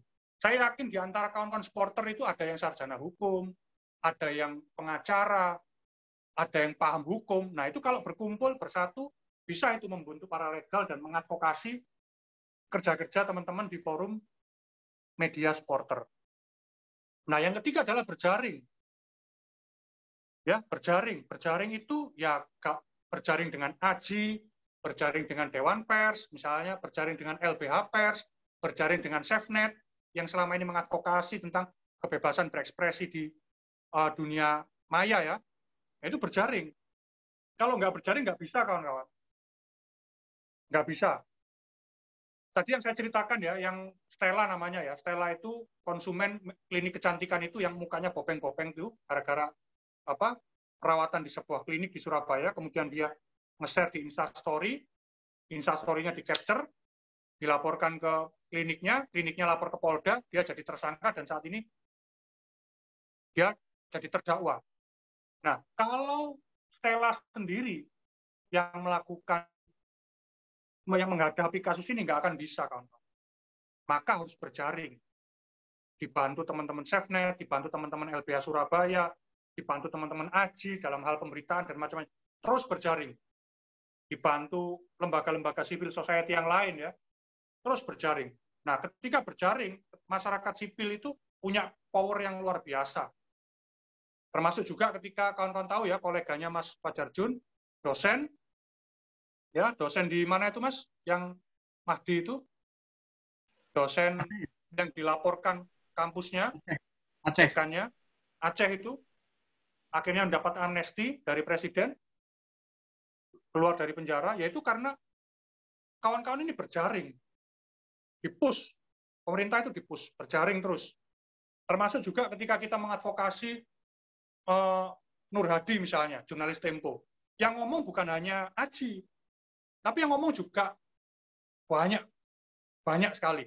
Ya, ada Amnesty Internasional ngomong, ICGR ngomong, teman-teman ICW juga ikut kampanye ngomong, Elsam juga ikut ngomong, semua ikut ngomong. Karena apa? Ketika wartawan ini diintimidasi, disiksa, maka yang rugi adalah masyarakat. Masyarakat harusnya tahu bahwa di situ ada skandal korupsi, menjadi tertutupi kan? Maka mereka tergerak untuk melakukan advokasi. Berjaring kawan-kawan. Sama juga ketika mau proyek Multatuli itu di DOS ya, webnya di DOS, nggak bisa diakses, beritanya nggak bisa dibaca, beritanya itu dirubrika, difabrikasi oleh media-media yang lain sebagai solidaritas. Kita ke poin 4. Ya. Jadi fakta ini harus diketahui publik, tapi karena Project Multatuli itu webnya down, nggak bisa diakses karena diserang, akhirnya atas izin dari pemretnya Project Multatuli, media-media lain bisa copy paste ya ada Vice, ada Tirto, ada Kompas, ada Tempo, ada bahkan uh, apa media-media webnya lembaga-lembaga apa civil society juga ikut memfabrikasi berita ini. Supaya apa? Supaya masyarakat tahu gaungnya menggema terus, teresonansi, terus diproduksi dan ini menjadi perhatian publik. Kita masuk pada skala yang disebut sebagai solidaritas. Saya katakan misalnya, saya kadang tergelitik ya, saya tinggal di Surabaya. Kira-kira bisa nggak ya, atas nama kemanusiaan, teman-teman bonek bersolidaritas dengan teman-teman Aremania kalau ada insiden kemanusiaan misalnya. Dan juga sebaliknya. Bisa nggak teman-teman Aremania, saya, saya ini kocak juga waktu saya liputan apa eh, mendukung tamu membunuh itu, saya di, berada di tengah-tengah Aremania yang temennya itu menjadi korban bonek. Meninggal. Keroyok bonek meninggal. Dan saya ada di, saya ngomong, saya orang Surabaya dan saya bonek. Kebetulan saya jurnalis. Saya pendukung Persebaya, tapi saya jurnalis. Mereka diem saja, terus saya pancing. Kenapa sampai nggak mukuli saya? Nah, mereka cengenges-cengenges. Lu bisa kan sebenarnya. Bisa sebenarnya. Kita akan bertemu pada satu titik di mana rivalitas itu ya sebatas di lapangan. Contoh lain misalnya di balik uh, di mana di Batam. Di Batam ada kawan saya bonek, tapi saya juga punya kawan Aremania di sana. Ketemu ya makan bakso bareng, ya ya tidur satu kos-kosan. Jadi ada di satu titik rivalitas itu pasti akan selesai di lapangan. Dalam kehidupan keseharian ada banyak irisan-irisan kehidupan yang itu akan mempersatukan kita gitu loh. Coba cek ya pabrik-pabrik di Surabaya atau pabrik-pabrik di Malang, pabrik-pabrik di Jakarta atau pabrik-pabrik di Bandung. Di antara mereka pasti ada yang bonek, pasti ada yang aremania, ada yang persi, uh, Jackmania, ada yang boboto misalnya. Mereka juga saling bisa kok hidup misalnya. Dan itu kesaksian loh ya. Saya saya mendengarkan banyak cerita dari dari mereka sendiri dan itulah kemudian saya tergerak untuk buat liputan mendukung taman membunuh itu. Di satu titik kita bisa bersolidaritas dan macam-macamnya. Nah, yang kelima adalah kawan-kawan harus ambil bagian dalam kampanye menolak undang-undang ITE dan mengkampanyekan undang-undang ini harus direvisi total. AJI menjadi ya Aliansi Jurnalis Independen tempat saya berkecimpung, AJI menjadi salah satu pihak yang ikut menggugat undang-undang ini ke MA, MK.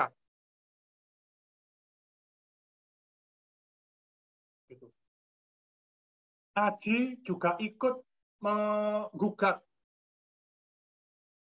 shutdown internet misalnya, shutdown internet di Papua. Orang kan berpikir, dulu ngapain Aji, organisasi profesi jurnalis kok ikut-ikutan isu-isu kayak gitu. gitu. Nah, kalau orang matanya pakai kacamata kuda ya nggak akan menganggap bahwa itu ada ada hubungan tapi ketika internet itu di shutdown, saya ada di Papua, saya merasakan betul bagaimana nyawa saya terancam ketika internet itu di shutdown. Ketika internet itu dimatikan. Orang yang seharusnya bisa hidup karena internet dimatikan, dia jadi kehilangan nyawa. Orang yang seharusnya bisa menyelamatkan harta bendanya karena internet shutdown, dia telat mendapat informasi, rumahnya hangus dibakar. Kita gugat kebijakan shutdown internet itu dan berhasil di pengadilan. Pemerintah difonis bersalah. Nah, saya menantang kawan-kawan di forum apa media media supporter juga ikut mengambil peran dalam kampanye menolak undang-undang ITE ini. Karena apa? Semua bisa kena. Jadi kalau kawan-kawan berharap pada saya bagaimana triknya Mas supaya tidak kena undang-undang, nggak bisa. Nggak bisa. Kita bekerja sesuai dengan kode etik jurnalistik pun perusahaan media kita bekerja sesuai dengan standar undang-undang pers pun masih bisa kena kok. Masih bisa kena. Saya kasih contoh yang tadi itu. Banyak kawan-kawan saya yang masuk penjara karena undang-undang ini. Maka dibutuhkan lima langkah ini ya. Literasi, advokasi, berjaring, solidaritas, dan ikut ambil dalam berkampanye. Oke, next. Nah, ini kutipan yang saya pegang betul ini. Ya, mengapa Aji itu menganggap ya jurnalisme itu bukan monopoli jurnalis profesional. Kawan-kawan media, komunitas supporter, jurnalis warga, jurnalis mahasiswa itu bagian dari jurnalisme itu sendiri. Salah satunya ini ya, jurnalisme itu terlalu penting untuk hanya diurus para wartawan saja publik perlu mempersenjatai diri. Publik siapa publik? Kawan-kawan itu adalah publik. Perlu mempersenjatai diri dengan pengetahuan bagaimana industri media beroperasi, bagaimana wartawan bekerja, sekaligus bagaimana kejahatan dan kebohongan media itu diproduksi. Ini yang disebut sebagai literasi. Jadi kenapa kawan-kawan Aji, khususnya saya ya, paling seneng ngomong dosa-dosanya jurnalis, ngomong dosa-dosanya media. Ya tujuannya supaya kawan-kawan terliterasi semua supaya ada distingsi kalau bahasa Pak dosen Fajar Jun itu, supaya ada pemisah. Kalau nggak ada distingsi, kita denial terus ya, kita ngomong bahwa jurnalis itu baik, bahwa jurnalis itu pekerjaan mulia, bahwa pers itu bagus-bagus terus ya, itu akan menormalisasi sekian banyak kejahatan yang dilakukan oleh media dan jurnalis. Maka kalau di AJI, khususnya saya, misalnya saya dengan tegas bahwa praktek jurnalisme sekarang itu seperti ini misalnya kebohongan itu diproduksi, kejahatan itu diproduksi. Media partisan. Nah, tujuannya apa? Ya, untuk membuat distingsi tadi. Supaya kawan-kawan semua tahu bedanya. Nah, kalau kata almarhum Rusdi Matari, juga anggota AJI, karena jurnalisme itu bukan monopoli wartawan. Kalau dalam kaitan ini, wartawan itu siapa ya? Wartawan profesional. Yang digaji, kalau kata Mas Iwan tadi. Saya ngomong ke Mas Iwan, Mas, saya itu lebih salut dengan kawan-kawan jurnalis warga. Kawan-kawan jurnalis rintisan, kawan-kawan di AJI itu, ya teman-teman saya di AJI, itu banyak sekali ya, di Malang itu ada namanya terakota.id. Itu media rintisan yang kawan-kawan bentuk sendiri. Ada di Kediri, di Kediri namanya Kediripedia. Itu teman-teman membuat media-media rintisan. Karena apa? Ada banyak isu yang berkaitan dengan kepentingan publik yang tidak tercover oleh media-media mainstream. Sehingga apa?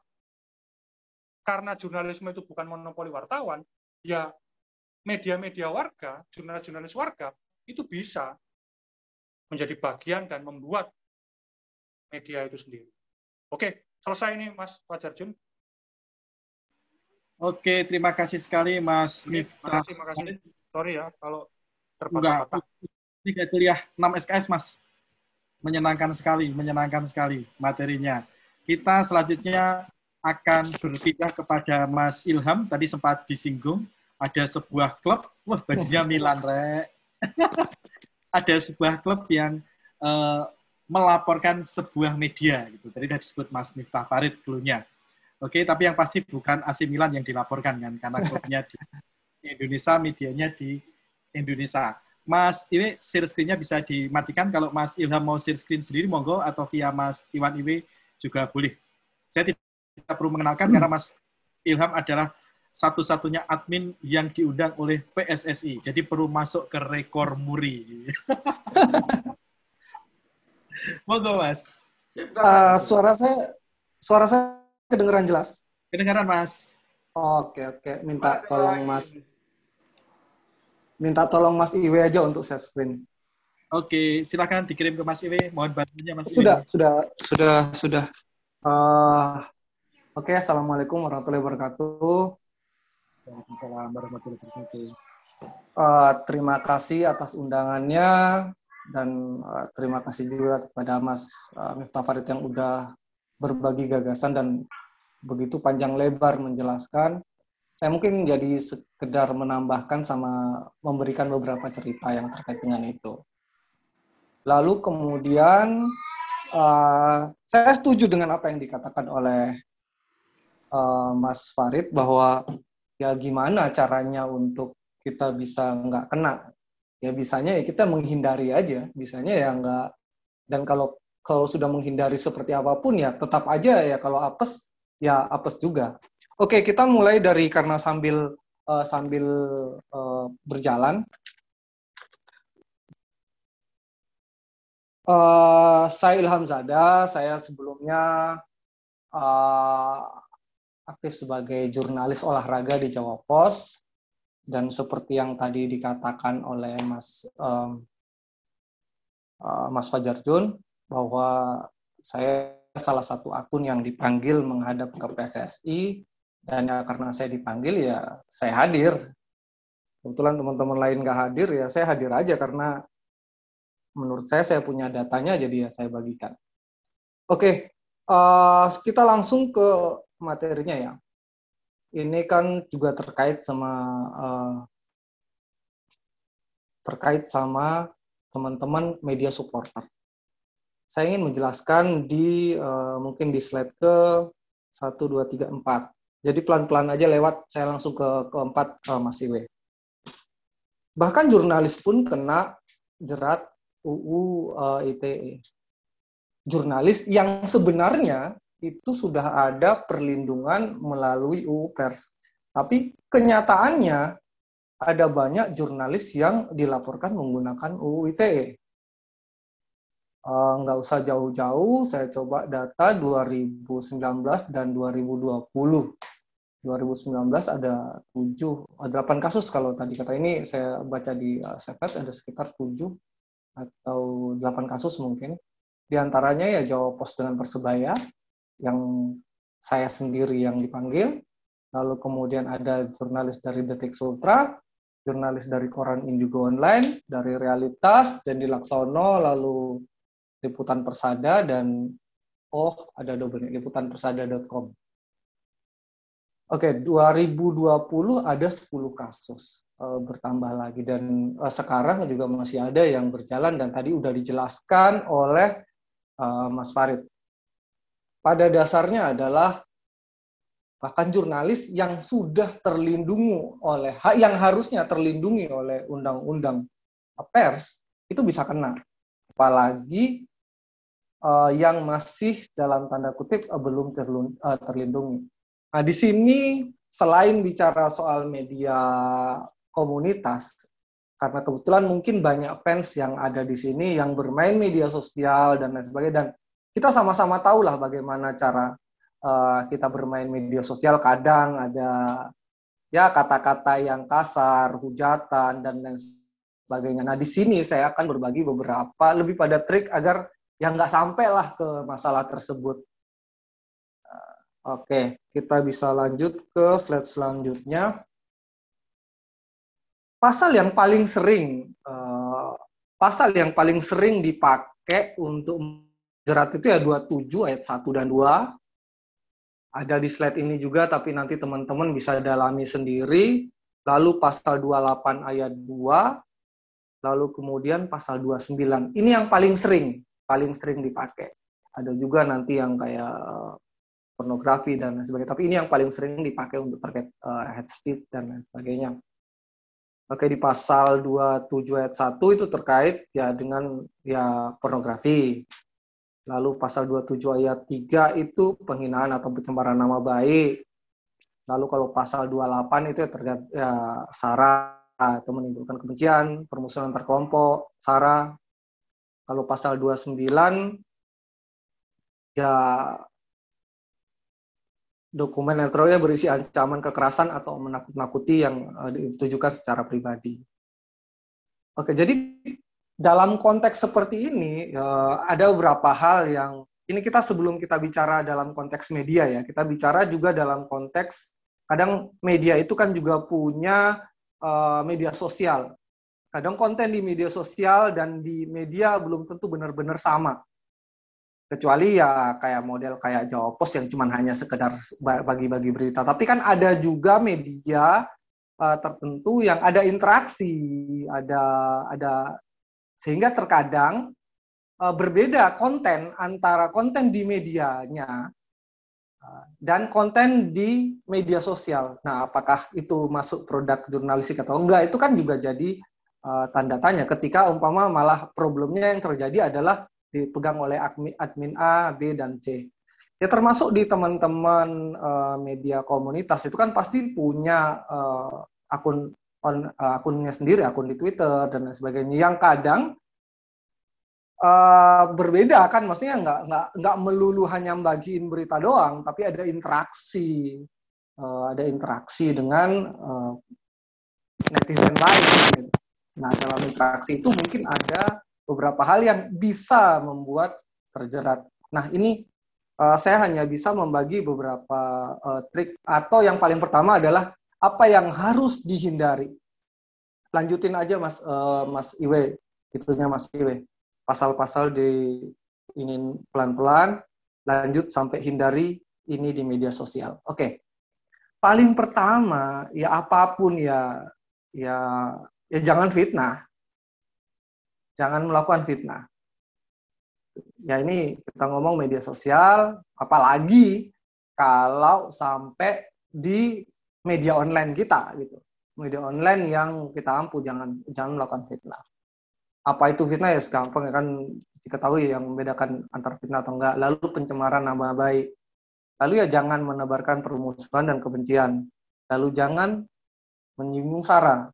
Nah, tapi kalau semuanya kayak begini kan kayak nggak bisa ngapa-ngapain nih. Oke, kita maju ke slide berikutnya. Ada nggak sih trik untuk hindari? Ada, tapi nggak sepenuhnya bisa benar-benar ya seperti kata Eko Maung ya. kadang-kadang dalam beberapa konteks tertentu ya apa sih itu juga menjadi bagian dari uh, kayak contohnya banyak kok yang mempersoalkan soal ID gitu yang bahas konten tentang ID, tapi kenyataannya yang kena kan Jerings. Ya dia yang apes gitu. Ya kadang-kadang seperti itu. Juga pengaruh seseorang itu berpengaruh gitu loh. Akunmu seberapa besar, seberapa berpengaruh dan sebagainya.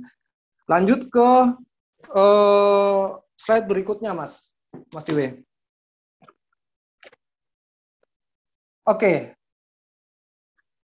Ketika ini kita uh, belum bicara tentang medianya dulu, tapi karena bagaimanapun sekarang kita mengetahui bahwa media sosial uh, sering kali konten di media sosial sama konten di medianya itu kadang ada penambahan, pengurangan, perbedaan, lalu nah, kita bicara dengan ya, contoh umpama emosi jiwaku yang .com, lalu kemudian kan ada akun emosi jiwaku yang di Instagram, yang ada di Twitter. Kadang kan nggak selalu bicara soal berita, kadang kan ada sedikit membahas hal yang lain, kadang mengkomentari hal yang lain. Seperti ini contohnya seperti itu. Atau mungkin uh, di media-media lain lah. Oke, contohnya seperti ini. Pertama, pastikan data dan faktanya valid. Nah, kalau nggak yakin fakta yang dimiliki itu valid, maka kudu pinter-pinter ngeles.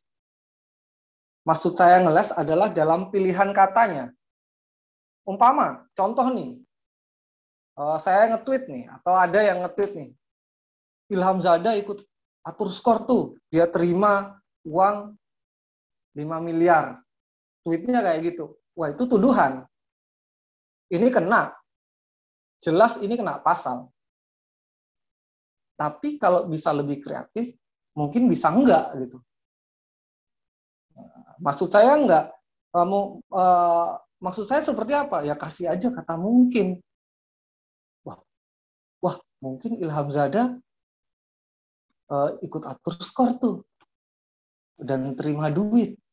Mungkin loh ya. Nah, itu kan nggak tuduhan. Itu masih dalam konteks ini mungkin masih area abu-abu. Oke, lalu yang berikutnya ya silakan kritik tapi jangan menghina. Ya jelas ini kadang-kadang yang agak susah jadi apa ya? agak susah teman-teman bedakan padahal ya memang beda banget ya. Umpama kalau kritik tuh kayak gini nih. Jangan percaya sama Ilham Zada. Informasi yang disampaikan uh, informasi yang di-tweet sering nggak valid. Ya, itu kan kritik. Jelas. Tapi kemudian kalau menghina gimana? Oh, jangan percaya sama Ilham Zada. Goblok dia, sok tahu, anjing dia. Nah, itu kan problem yang lain lagi. Dan sering kali itu dilakukan di media sosial. Oke, lalu paling penting adalah bertujuan mengungkap kebenaran. Ya masalahnya ya nggak masuk kategori pencemaran nama baik kalau sebenarnya namanya udah cemar gitu. Umpama kasus Saiful Jamil gitu, umpama Saiful Jamil. Umpama dia dibilang atas dia diejek atas kasusnya gitu ada orang yang yang enggak dong. Dia udah tercemar kok ngapain gitu. Itu bukan cuma pencemaran nama baik kok. Udah udah tercemar kok. Ya ibaratnya itu kayak gitu. Jangan memprovokasi permusuhan antar uh, golongan gitu. Mempro memprovokasi antara fans Inter dan fans Milan gitu. Nggak artinya teman-teman sudah paham ya uh, konteks yang ini ya. Kadang-kadang ini sering sering kali kena. Lalu ada hal lain yang teman-teman tuh kan sering kadang-kadang gini pengen bagi informasi tapi antara yakin atau nggak yakin bahwa fakta itu ada. Umpama pengen bagi tentang kasus mafia bola atau hal-hal yang sensitif mungkin atau problem yang uh, dilakukan oleh manajemen klub dan lain sebagainya itu harus kreatif artinya harus kreatif dalam konteks uh, jangan menggunakan kalimat langsung yang seperti yang di atas ya bisa jadi gunakan kalimat yang kalimat tanya. Contoh, eh dengar-dengar Ilham Zada itu dua kali nggak nggak apa ngikuti eh nggak memenuhi panggilan dari kepolisian. Sakit perut kali dia. Atau eh, eh dengar-dengar Ilham Zada dua kali tidak memenuhi panggilan kepolisian. Kenapa ya? Apakah dia apa gitu? Artinya gunakan kalimat tanya. Jadi tuduhan itu dibalikin dalam konteks uh, kalimat tanya. Lalu penting juga untuk hindari sebut nama gitu. Hindari sebut nama gitu. Uh, contohnya begini deh, karena bonek kan nggak mudah tersinggung ya. Jadi saya contoh umpama uh, bonek ya. Um, ih, klub maling gorengan tuh, eh, tuh klub maling gorengan. Manajemennya bla bla bla bla gitu. Atau manajemen klub uh, maling gorengan. Ternyata ikut bla bla bla gitu atau tuduhannya apa ditulis kan nggak jelas itu klub mana gitu kan. Tapi orang publik udah tahu kan itu klub mana yang dimaksud. Harus piawai untuk kalau teman-teman ini harus piawai untuk uh, ini sekali lagi ini contoh ya. Uh, lalu kemudian terkadang kan sebagai fans, sebagai fans itu kan ada kegelisahan ya, ada kegelisahan, ada kemarahan ketika timnya umpama contohnya uh, kemarin PSS dengan Arthur Irawan lah gitu kan. Wah emosi banget kan supporter PSS dengan ya tweetnya luar biasa luar biasa gitu kan. Ada yang memilih. Nah saya memilih uh, tweet yang berbeda tapi dengan uh, pukulan yang juga nggak beda jauh gitu. Ya kayaknya edukatif kayaknya informatif padahal ngejek ngejek juga gitu. pernah membela Espanyol B dan Malaga B. Karir di Indonesia dimulai di klub sedahsyat Persija. Pernah pula membela klub sehebat Persebaya tercatat pernah membela timnas Indonesia uh kelihatan pujian semua selain selain Arthur Irawan, siapa kira-kira di Indonesia yang punya CV semen, uh, ini? Sungguh beruntung PSS. Ya orang tahu itu ejekan. Orang tahu itu ini. Jadi kadang kan kita nggak tahan untuk ada banyak pilihan untuk melakukan itu gitu loh. Kalimat-kalimat untuk bisa uh, menyindir atau uh, menyindir kepada up yang pengen kita tuju. Yang paling penting adalah uh, kalau memang itu dilakukan di media sosial ya jangan sebut merek secara langsung. Hindari itu. Sangat sangat dihindari karena ya itu ya triknya ya begitu hindari gitu. Lalu gimana kalau dengan media online ya? Sekarang kita bicara dengan media online ataupun uh, media online yang teman-teman miliki. Ya seperti tadi diomongin sama uh, Mas Mas Miftah Farid bahwa ya bahkan media uh, mainstream aja ya ya tetap kena. Tetap bisa dilaporkan kadang bisa diproses. Yang paling pertama harus dilakukan yang paling pertama harus dilakukan sekalipun sekalipun artinya sekalipun kemudian uh, masih ada persoalan soal apakah media ini terverifikasi atau tidak yang paling penting adalah ketika karya itu sudah diterbitkan sudah melakukan proses yang benar dalam konteks jurnalistik proses yang benar ya seperti apa? Ya tentu saja kalau berita, berita tentang konflik atau berita tentang uh, satu kubu atau dua kubu maka dua-duanya harus ada. Modelnya ya seperti itu. Lalu ketika berita-berita yang sensitif maka orang-orang terkait itu harus eh, terkonfirmasi eh, dengan jelas. Ya, paling tidak seperti itu. Sesimpel itu.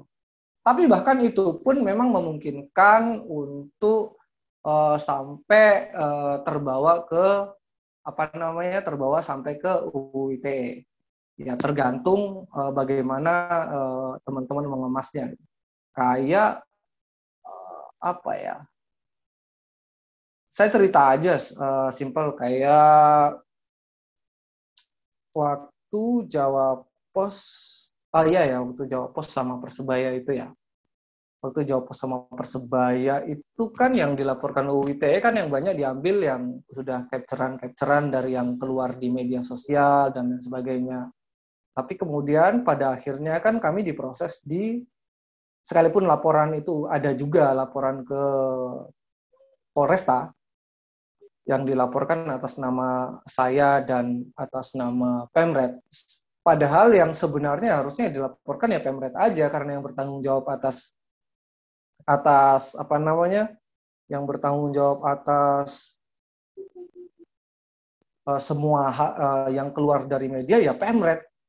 Ya saya nggak bertanggung ya itu urusannya Pemret. Pemret udah izinkan apa yang saya tulis. Dan ketika saya dipanggil tahu dari mana saya yang nulis? Saya bisa aja mengelak kok nggak ada kode saya di situ kok.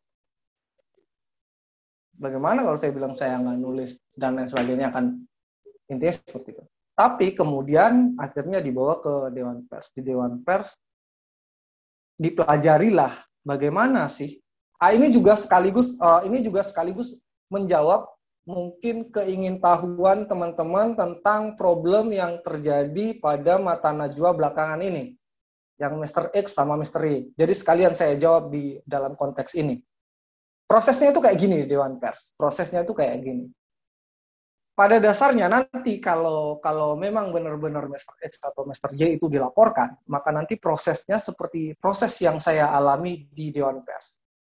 Nah, maksud saya begini, Uh, tentu saja ketika saya membuat laporan tentang uh, tentang itu uh, tentang berita tersebut berita yang tiga tahun lalu mungkin sekitar tiga tahun lalu lah.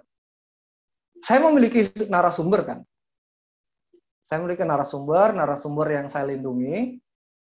Nah, ada juga yang ngomong secara terbuka beberapa yang ngomong secara terbuka ada yang ngomong secara tertutup atau menggunakan narasumber anonim. Nah kita bicara dimulai dari narasumber anonim. Gak nggak mudah loh untuk menentukan si A atau si B atau Mr. X atau Mr. Y ini menjadi narasumber anonim yang nggak semerta-merta gitu doang gitu. Jadi ada proses. Dalam konteks saya, kenapa saya percaya? Karena ada chat, ada chat, ada rekaman pembicaraan, ada foto. Nah, dari sana kemudian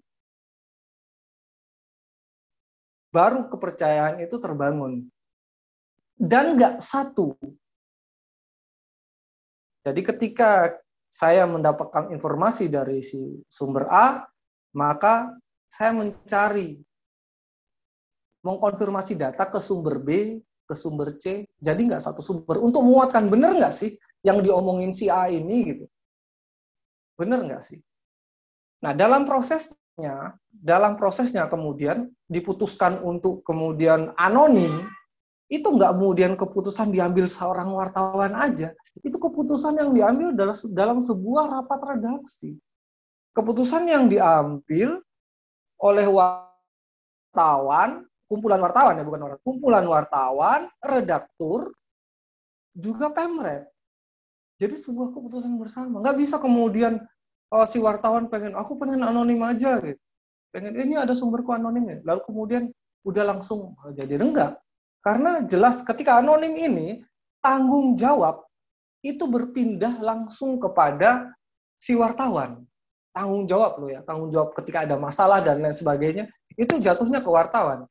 Kalau umpama uh, yang ngomong uh, siapalah, umpama Budi Sudarsono ngomong, lalu kita kutip, atau uh, Mbah Putih ngomong, kita kutip, kan tanggung jawab sudah ada ada namanya kan. Tapi ketika pakai anonim, otomatis nggak tanggung jawab berada pada jurnalisnya atau medianya yang sudah memuat mereka. Dalam kasusnya uh, Mata Najwa juga seperti itu. Nah, gimana nanti di um, apa namanya di Dewan Pers diproses? Di Dewan Pers itu akan diproses. Saya itu dipanggil tiga kali. Saya menghadap itu tiga kali. Satu kali sendiri, satu kali uh, satu kali satu kali itu dengan ada persebaya, saya bersama pemret saya, satu kalinya hanya untuk koordinasi aja, uh, koordinasi terkait dengan kasus. Oke, nah prosesnya.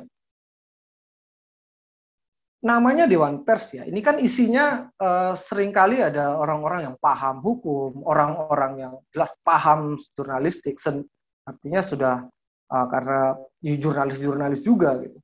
Artinya ketika proses pertanyaan di dalam ya sama seperti jurnalis kalau nanya ya, tajam, detail.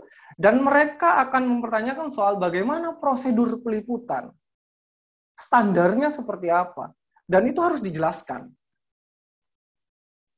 Lalu kemudian bicara soal sumber. Narasumber. Ya dijelaskan juga seperti apa narasumber. Saya dalam konteks saya, saya tunjukkan ini narasumber saya. Saya beritahu nama narasumber saya. Ya karena kan itu tertutup, memang hanya dikonsumsi kami enggak dan perjanjiannya kan nggak mungkin akan ke mana-mana.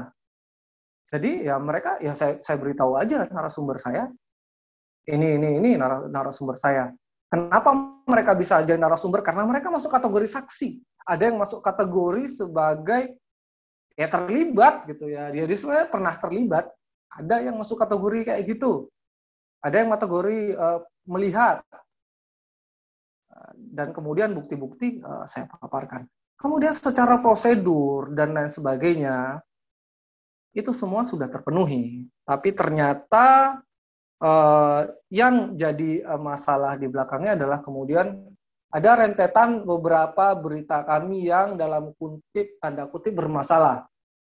Kayak berita yang uh, konfirmasinya terpotong dan lain sebagainya sehingga di ada ya tapi tidak kemudian yang jadi masalah adalah karya yang satu itu. Intinya yang saya ingin jelaskan adalah keputusan sebuah media untuk menjadikan eh, sumber anonim tampil itu enggak sesimpel itu, enggak sesimpel wis wis menurut sumber, enggak bisa simpel menurut sumber. Sumbernya siapa harus benar-benar diketahui dengan benar karena kalau enggak kan bisa cuma jadi uh, jadi bahan uh, ini aja. Nah, itu seperti itu sih yang terkait juga dengan bagaimana kasus yang belakangan sedang terjadi. Saya pikir uh, itu dulu yang bisa saya sampaikan. Kalau ada yang pengen teman-teman tanyakan, ya ada banyak mungkin yang bisa disampaikan, tapi saya pikir itu yang mungkin relevan untuk kali ini. Jadi itu dulu nanti kalau silakan ada yang kurang silakan ditanyakan biar kita uh, berproses bersama, berdiskusi bersama. Uh, terima kasih Mas Jun, silakan Mas Jun. Siap, terima kasih Mas Ilham untuk sharingnya yang sangat menarik. Uh, Mas Miftah Farid juga akan saya aks start video agar bisa saya spotlight. Monggo teman-teman kita awali sesi ngobrol-ngobrol luar biasa ini 10 SKS malam ini. Dan uh, ini mungkin menjadi awal yang sangat uh, bermanfaat bagian dari kolaborasi teman-teman dengan teman-teman di AJI. Tadi Mas Miftah Farid sudah menyampaikan tentang jejaring. Dulu waktu Mas Miftah liputan ke Jogja, kami sempat ngobrol-ngobrol tentang itu. Pentingnya jejaring antara kampus dengan teman-teman di AJI, kemudian teman-teman di media komunitas supporter. Monggo silahkan. Apa pun latar belakang klubnya, baik Indonesia maupun luar negeri, Juve boleh, Inter boleh, Milan juga boleh. Monggo silahkan. Boleh open mic loh, boleh open mic. Mas Ignatius, monggo silahkan Mas Ignatius. Silahkan. Eh, uh, suara saya terdengar sih, Mas Fajar. Ih, Mas Sambun, saya spotlight oh, okay.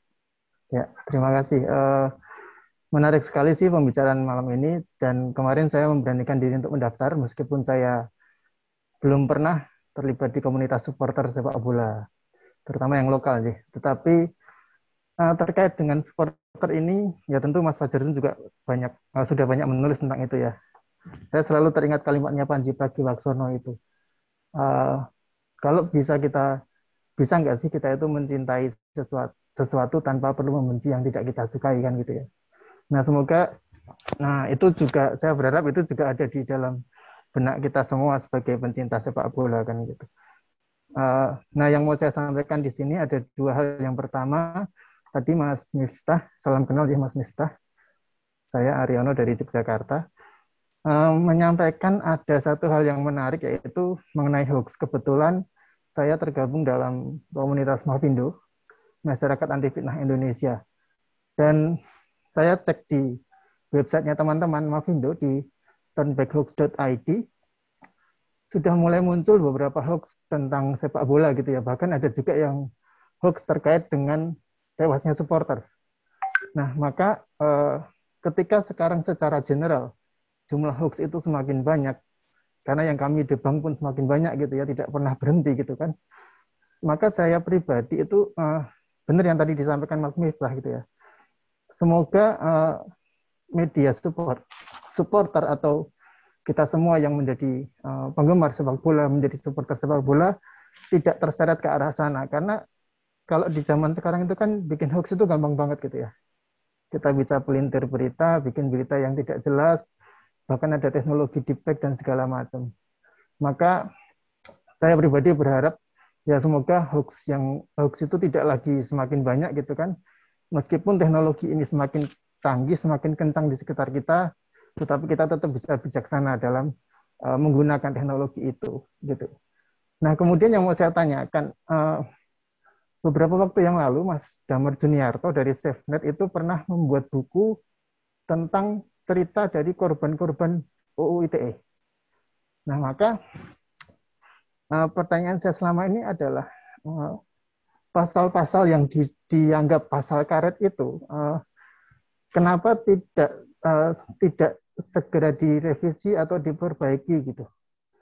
Termasuk apakah mungkin dari kalangan jurnalis juga pernah membahas tentang hal ini. Misalnya tadi yang disebutkan ya ada pasal yang mungkin bisa membuat seorang jurnalis jadi merasa semakin uh, was-was nih dalam melakukan tugasnya misalnya karena siapa tahu nanti malah terjerat pasal UU, karet UU ITE itu. Nah, apakah kalau menurut pengamatan dari Mas Miftah atau Mas Ilham gitu ya, yang banyak berkecimpung di dunia jurnalistik dan penulisan, apakah pasal pasal-pasal seperti ini sebenarnya memungkinkan untuk segera diperbaiki atau diperjelas maknanya gitu loh, agar tidak lagi menjerat orang-orang yang sebenarnya tidak bersalah.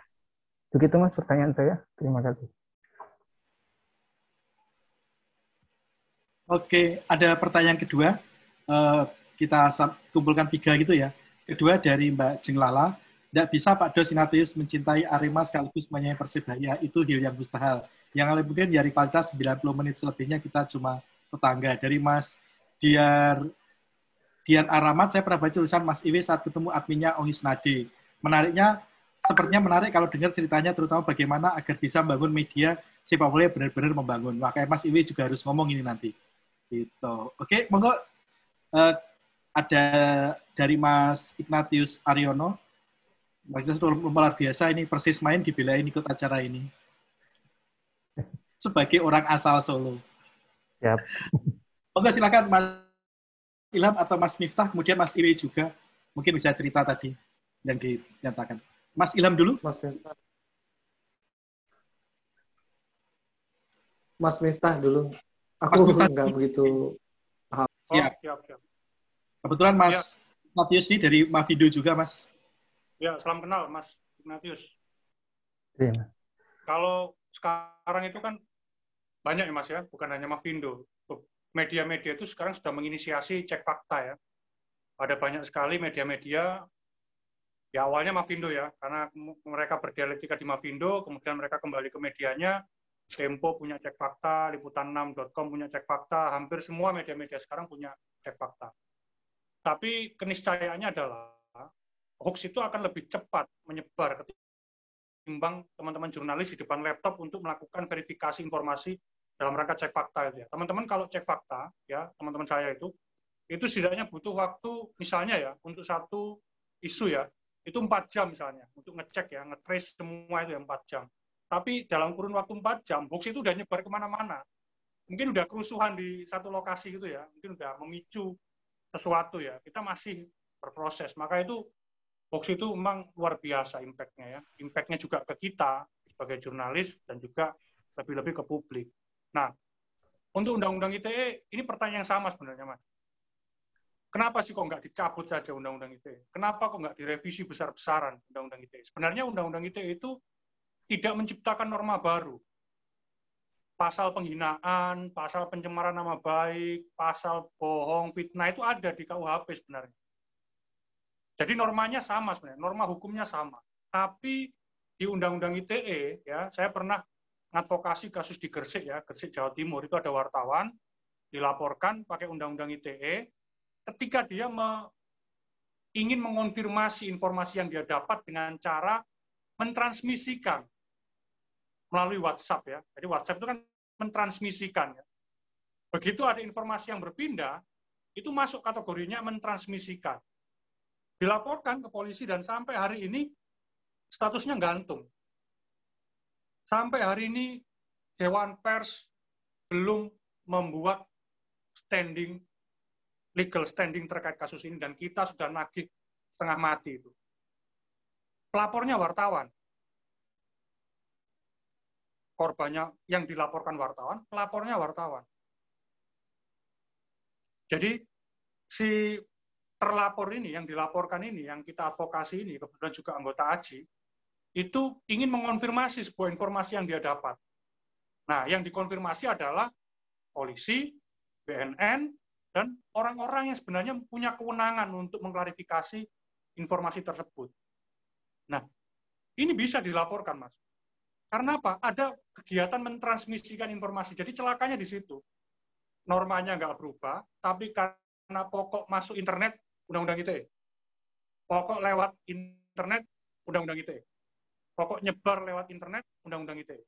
Jadi jahatnya di situ dia.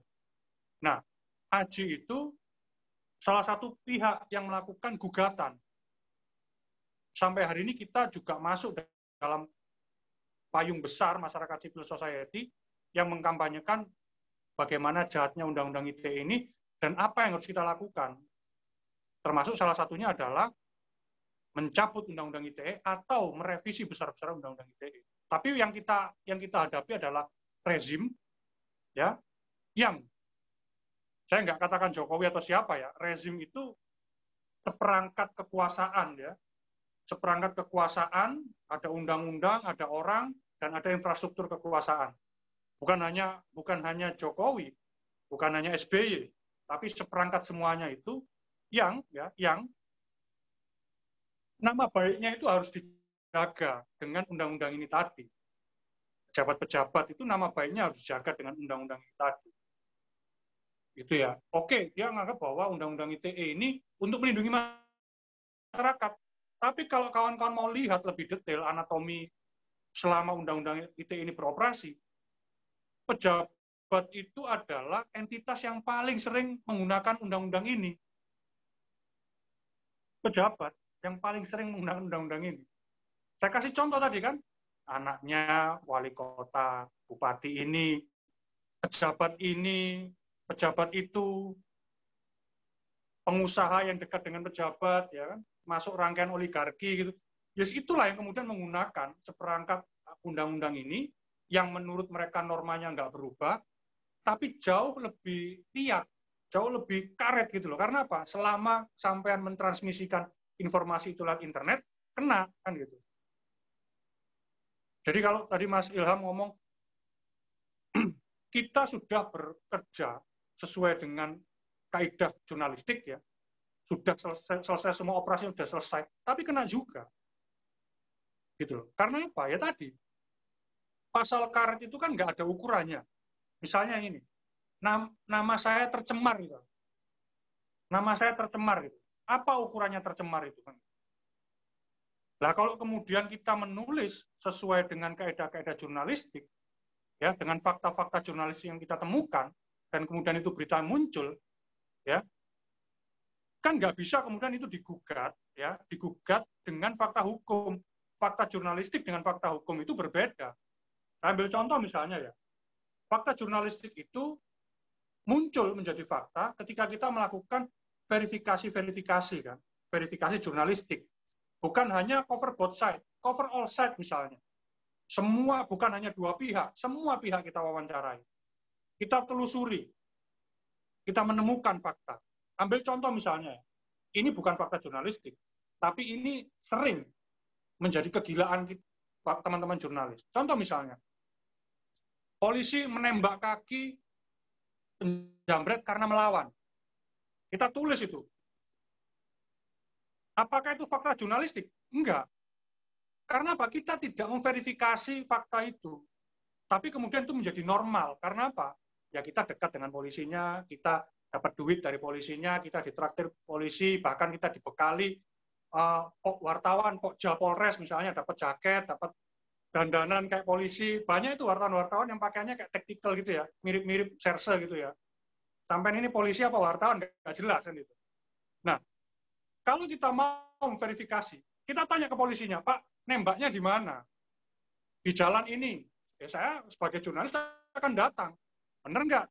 Di hari itu, di jam itu ada suara tembakan minimal. Suara tembakan itu kan satu kilo bisa dengar kita. Saya pernah ngecek itu nggak dengar ada suara tembakan. Saya pernah wawancara anak-anak ya ditembak kakinya sama polisi kanan kirinya. Saya tanya, sampean ditembak di mana? Saya ditangkap di rumah, digerebek, ada polisi, ada orang tua saya, saksinya orang tua, saya nggak melawan, ya. Paginya subuh ditembak, matanya ditutup, disuruh mele, mati apa kaki kan itu, ditembak kakinya. Jurnalis-jurnalis kebanyakan kan tidak, memverifikasi informasi itu. Malah ada jurnalis, dan kok gak ditembak kakinya, beritanya nggak nggak nggak ngangkat ini kalau nggak ditembak kan itu kan kurang ajarnya gitu sebagian teman-teman itu. Nah, maka fakta jurnalistik itu berbeda dengan fakta hukum. Kenapa berbeda? Pertama, ya, fakta hukum itu didapat ya oleh seseorang atau lembaga yang memiliki kewenangan menyita. Pertanyaan jurnalis bisa nggak menyita?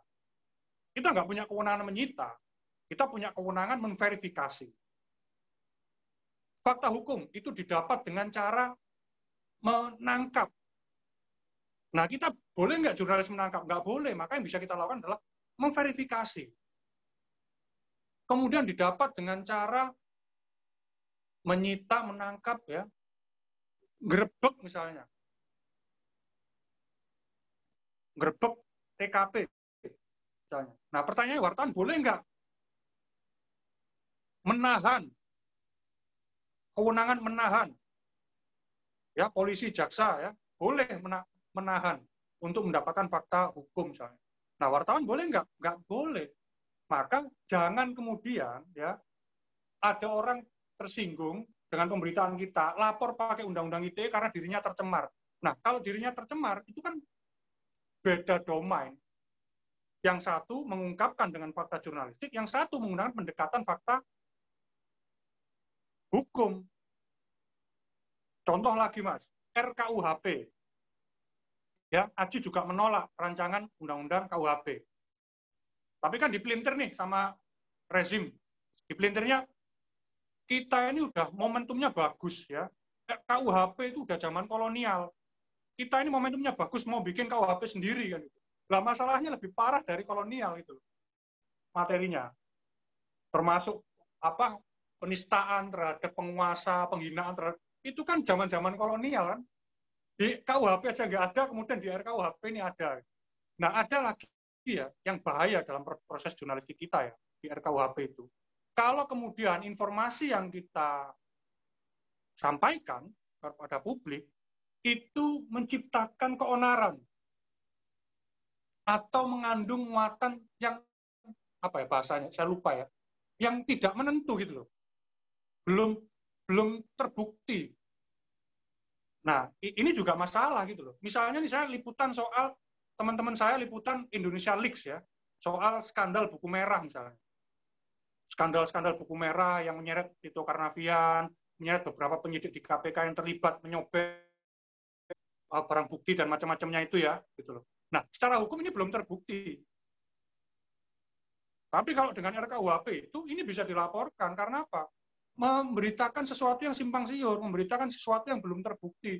Nah, pertanyaannya bukti hukum atau bukti jurnalistik kan gitu. Fakta hukum atau fakta jurnalistik. Lah kalau fakta jurnalistik ditempurkan dengan fakta hukum ya nggak bisa. Ini dua domain yang berbeda karena apa? Ada limitasi kewenangan pada jurnalis. Jurnalis nggak bisa menyita, nggak bisa menangkap, nggak bisa menggerebek, nggak bisa macam-macam gitu loh. Nah kalau jurnalis bisa menyita ya beda lagi nanti kan case-nya kan gitu. Jadi gitu mas, kalau kita ngomong kenapa undang-undang ini enggak kita ganti ya, kita berhadapan dengan sebuah rezim yang nama baiknya ini harus dijaga. Agak susah kan gitu. Karena apa? Pengguna undang-undang ITE ya pejabat juga banyak sekali kan gitu. Termasuk misalnya dua menteri kabinet ini kan melaporkan teman-teman ICW misalnya. Melaporkan teman-teman uh, aktivis misalnya uh, uh, ICW kemudian ada uh, Haris Azhar dilaporkan misalnya Dandi Laksono dilaporkan hanya karena mengkritik Megawati menyamakan Megawati dengan Aung San Suu Kyi berpendapat di Indonesia itu bisa berujung pada pelaporan undang-undang ITE makanya saya mengajak teman-teman di forum media supporter ini turut serta mengambil peran juga. Karena apa? Kawan-kawan juga bisa kena. Kan juga bisa kena kan gitu. Meskipun tadi Mas Ilham sudah ngasih ini ya ngasih trik ya. Sebetulnya itu bukan trik. Sebetulnya ya itulah yang harus dilakukan sesuai dengan kaidah jurnalistik masalahnya kita sudah sesuai kaidah jurnalistik ya masih kena kan gitu artinya kan ini ada dua dua hal yang dibenturkan antara fakta hukum dengan fakta jurnalistik kan. ya saya kasih contoh tadi teman-teman jurnalistik masuk penjara ada banyak gitu Masalahnya yang di rezim yang bagian dari rezim oligarki ini nggak ada yang masuk penjara dengan undang-undang ITE. Contoh misalnya ya, bagian dari rezim ini nge-share data pribadi KTP. Salah ternyata. Ya kan, kalau kalian ingat ya, dituduh ini, tuduh ini, di-share KTP-nya. Salah, ternyata bukan itu orangnya. Alih-alih dihukum, malah jadi komisaris. Kan gitu. Nah, tapi gini kawan-kawan, ada provokasi ke kita, ke teman-teman civil society ini. Mereka akan nunggu kita, ya, mereka akan nunggu kawan-kawan di civil society yang menentang undang-undang ITE untuk menggunakan undang-undang ITE.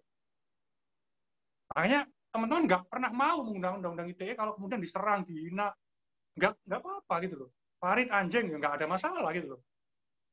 Farid pembohong, ya nggak apa-apa, saya tinggal klarifikasi di medsos, selesai. Berita saya misalnya diupload di YouTube, uh, mendukung Tamam Bunuh itu ya, coba cek di YouTube ya, komennya banyak sekali. Apa kemudian komennya bagus-bagus semua? Ya enggak.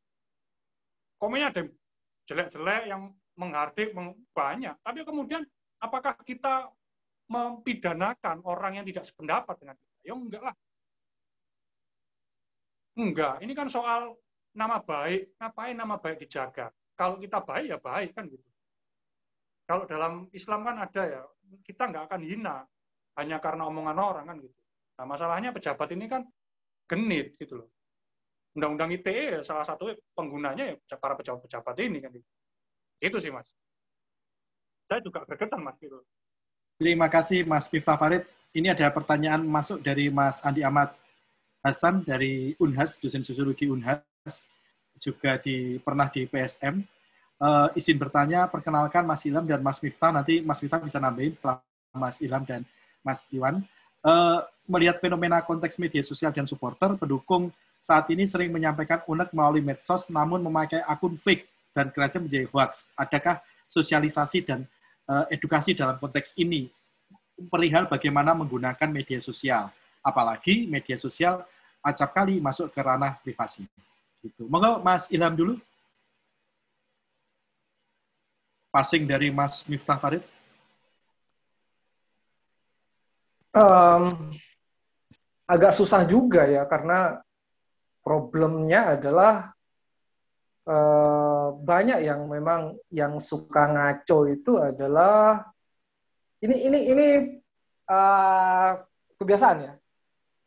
Sistemnya begini, uh, ketika ada ibaratnya ini tidak usah jauh-jauh, ya, ketika punya tweet yang di retweet sudah lebih dari seribu atau di like sudah lebih dari seribu, wes setelah itu sebaiknya nggak usah ngeliat.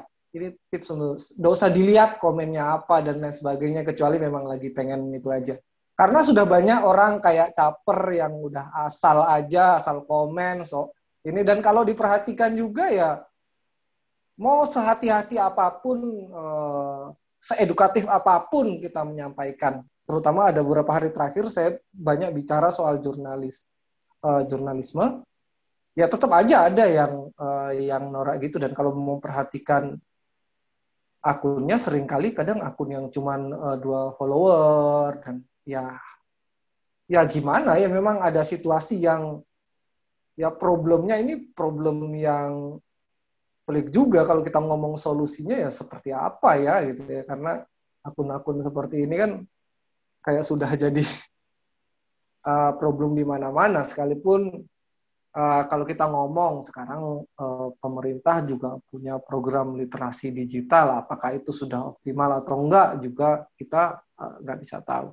Yang paling penting adalah bagi saya literasi yang dibangun di komunitas-komunitas yang ada. Seperti umpama yang saya tahu uh, di Surabaya, uh, Bonek itu punya BWF ya Mas uh, Mas Iwe ya, Bonek Writer Forum lalu kemudian entah di yang lain di uh, klub lain itu bagian dari upaya untuk uh, menjadi lebih terliterasi.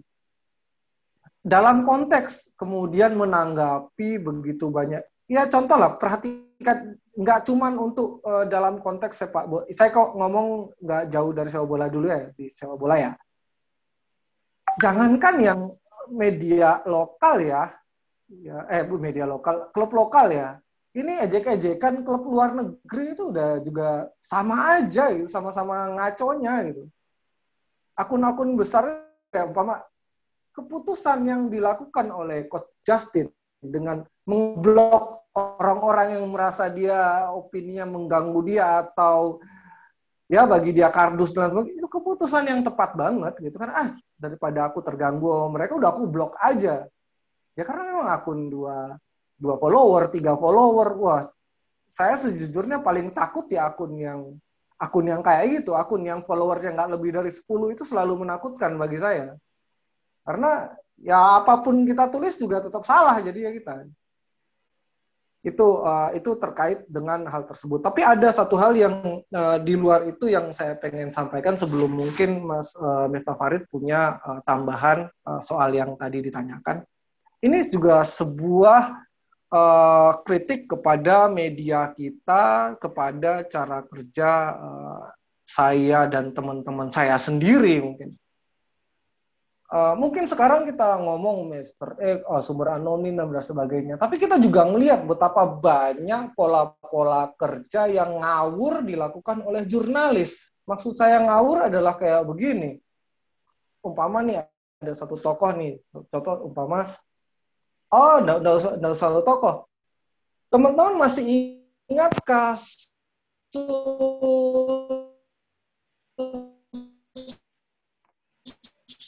istrinya protes gara-gara sebuah judul di uh, media. Udah saya sebut aja lah ngapain? Di detik.com itu judulnya kayak begini kehidupan seks Nora Alexandra dipertanyakan usai Jerings di penjara nah istrinya Jerings itu mempertanyakan ini. Ini aku nggak dikonfirmasi hanya lihat dari ini. Lalu yang dilakukan oleh istrinya Jerings adalah cara yang tepat. Dia mempertanyakannya. Dia nggak gugat nggak apa dia mempertanyakannya. Ya karena kebetulan uh, mungkin dia tahu dapat koneksi ininya dia tahu yang menulisnya dia hubungnya ke uh, yang uh, apa namanya? Yang menulis wah tanggapannya gila maksudnya tanggapannya bagi saya wah ini kan andaikan saya ketika saya redaktur tahun ini ini hal yang paling saya rekomendasikan untuk oleh jenis wartawan kayak gini gitu loh jenis wartawan yang enggak jadi ya, bukan wartawan secara nggak ada etikanya. Gitu. Nah problemnya adalah banyak sekali di kita, di kita ini mudah ya. Um,